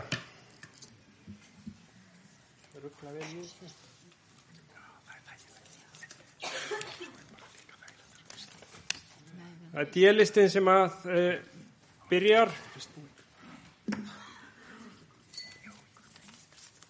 Því næst er það E. Það var mjög líklegt að hái endi.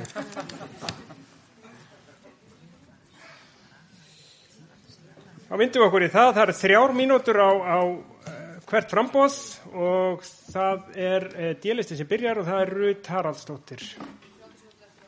Þegar það eru 30 sekundur eftir þá slær Katalefi létt í, í glasið hérna til, til að uh, láta vita.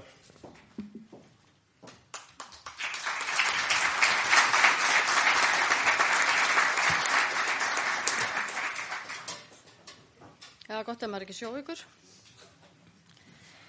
Kæru eigamenn, á laugadaginn göngum við til kostninga um það hvaða flokkur eða flokkar munu stjórna bænum okkar næstu fjögur árin. Við öll sem eru hér inni Við viljum bænum okkar því besta en áherslu málinn og leiðina úrvinnslu þeirra eru mismunandi. Í hittaleiksins eiga kostninga stundum til með að snúast algjörlega upp í andkverfi sína og hætta að fjalla um það sem raunverulega skiptir máli. Allt í einu fara personur og leiköndu frambóða að þvælast fyrir og eftir stendur aðalatrið, bæja búar sjálfur og þjónustan við þá. Umræða fara að snúast um menn en ekki málefni og fortíðarhjál aftra framtíðinni. Við erum og höfum alltaf verið flokku framtíðar. Okkar áherslur og hugmyndir liggja meðal annars í þeim fjölmörgu tækifærum sem við sjáum í Vestmanneum, hvort sem er í atvinnulífi, nýsköpun, mentamálum eða víðar. Við viljum fara vel með sameila sjóði sveitafélagsins því þeir eru undirstaða öflurar og góðurar þjónustu. Við búum í dag við þá vel selt sem fulltrúar okkar flokks unnu að í þáu bæjarins. Við trúum því einnig að kostningarnar snúist í raunum svo miklu meira en bara einstakar lofvörð og útvarðar áallanir. Við trúum því að valkjósenda snúist um andrúsloft samfélagsins. Andrúsloft sem áður ítti undir samstöðu, baróttuhug og siguranda okkar á öllum sviðum.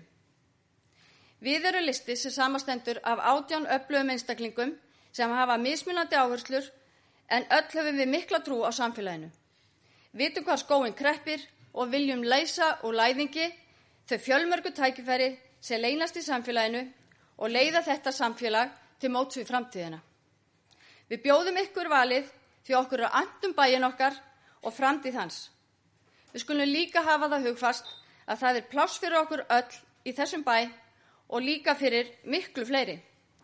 Við erum hagsín, við erum framsín og við erum bjart sín á framtíðina. Og mér langar í lokin að þakka hinnum flokkunum fyrir heiðarlega og dyggilega kostningabaróttu hinga til. Vonandi getum við átt gott samstarf í framtíðinni. Við erum hér fyrir ykkur og okkur sjálf því hér eigum við öll heima. XD á lögadaginn.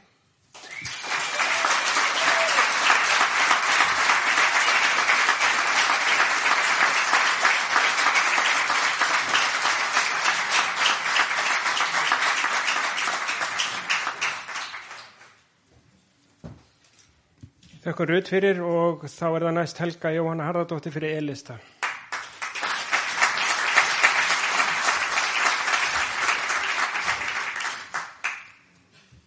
Kæru bæjabúar, eigalistin er frambóð sem stendur við gefin lofórð. Það er nóg að fletta stefnusgrá eigalistans frá síðasta kjörtímabili og þá sjáu þið fljótt að eigalistin stóð við um og yfir 90% sinna lofórða. Við lofum ekki hlutum sem við ætlum okkur ekki að standa við. Fingrafur eigalistans sást heldur betur á skólamálum. Við bættum heilmikið í stöðtjónustu skólans, við hófum innleggingu í tækni og fórum úr því að eiga örf á tæki í skólanum yfir í að vera komið með tæki fyrir hvert nefnda. Leikskólagjöld á samt gjöldum fyrir frístund og skólamáltir stóðu í stað. Við erum farin af stað með mentaransórnaverkefni Kveikjum Nistan sem er gríðarlega áhugavert og spennandi verkefni sem vekur áhuga á landsvísu.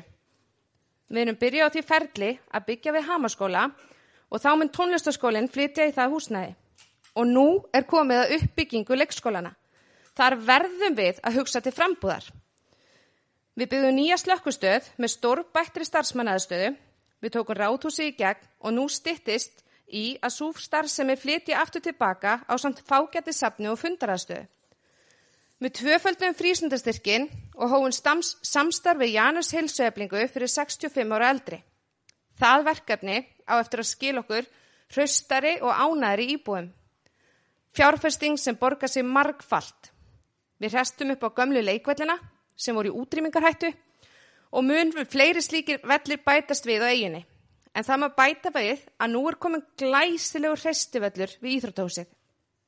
Við þurfum að huga framtíðinni þegar kemur að eldra fólki og þess vegna vil eigalistinn byggja 20 nýja þjónustýbúðir fyrir aldraða á samt því að í samstarfi ríkið að byggja nýtt hjúknaheimili.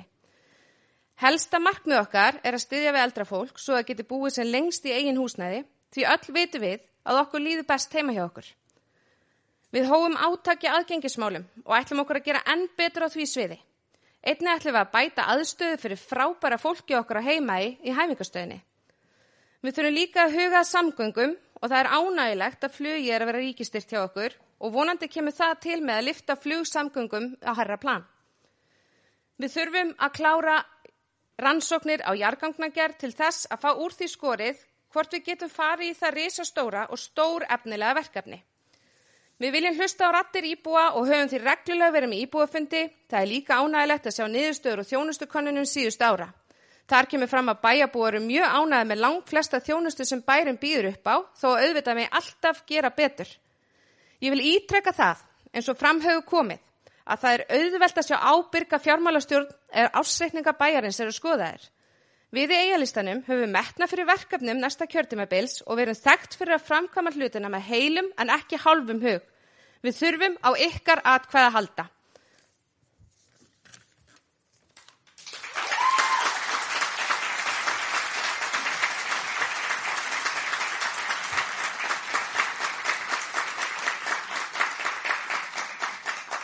Takk fyrir þetta Helga Jóna. Eh, þá er það hálisti og það er Pál Magnússon sem talar fyrir hann hálista.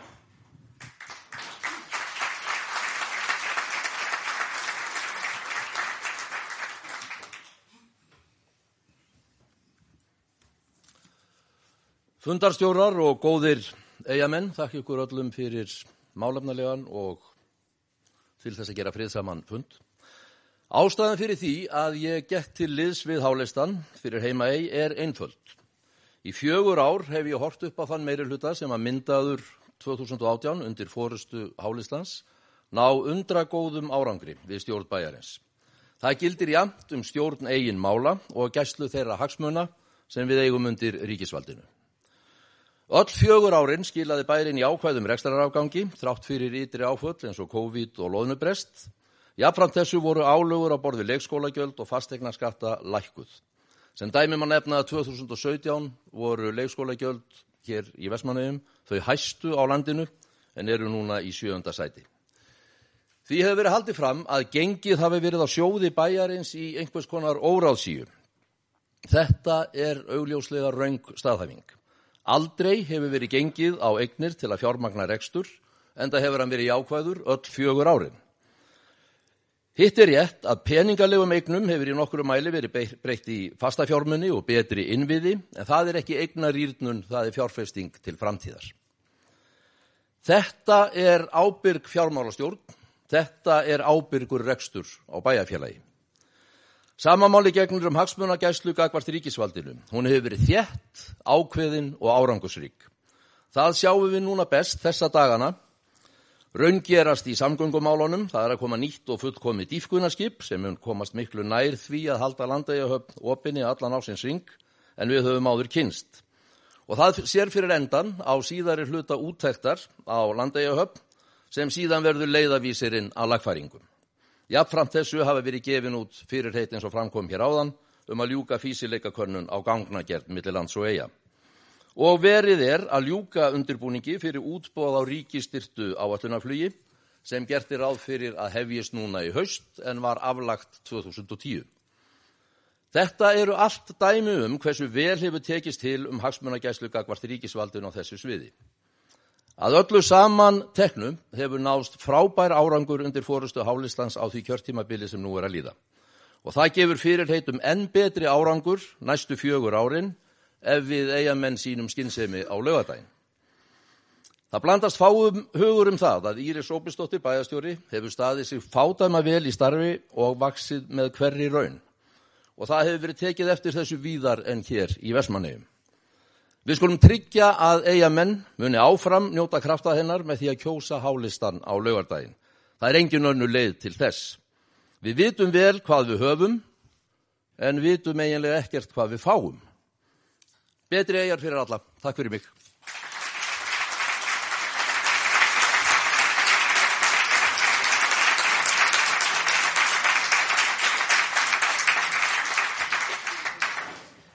Jæja, ég vil fyrir hönd okkar sem að fundinu stóðu þakka frambjóðundum kærlega fyrir þáttökuna hér í kvöld.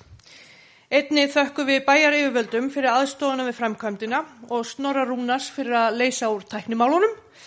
E, þá þakka ég öllum þeim sem að koma undirbúningi og framkvæmt fundarins kærlega Einni vil ég þakka ykkur íbúðum Vestmanniðabæjar fyrir komuna og gaman að sjá hversu margir hérna sáu sér fært að koma og bara takk kjallega fyrir. Og að lokum minni fundamenn á að nýta atkvæðarétt sinn á laugadaginn og segi þessum frambóðsfundi þá slitið. Takk kjallega fyrir komuna.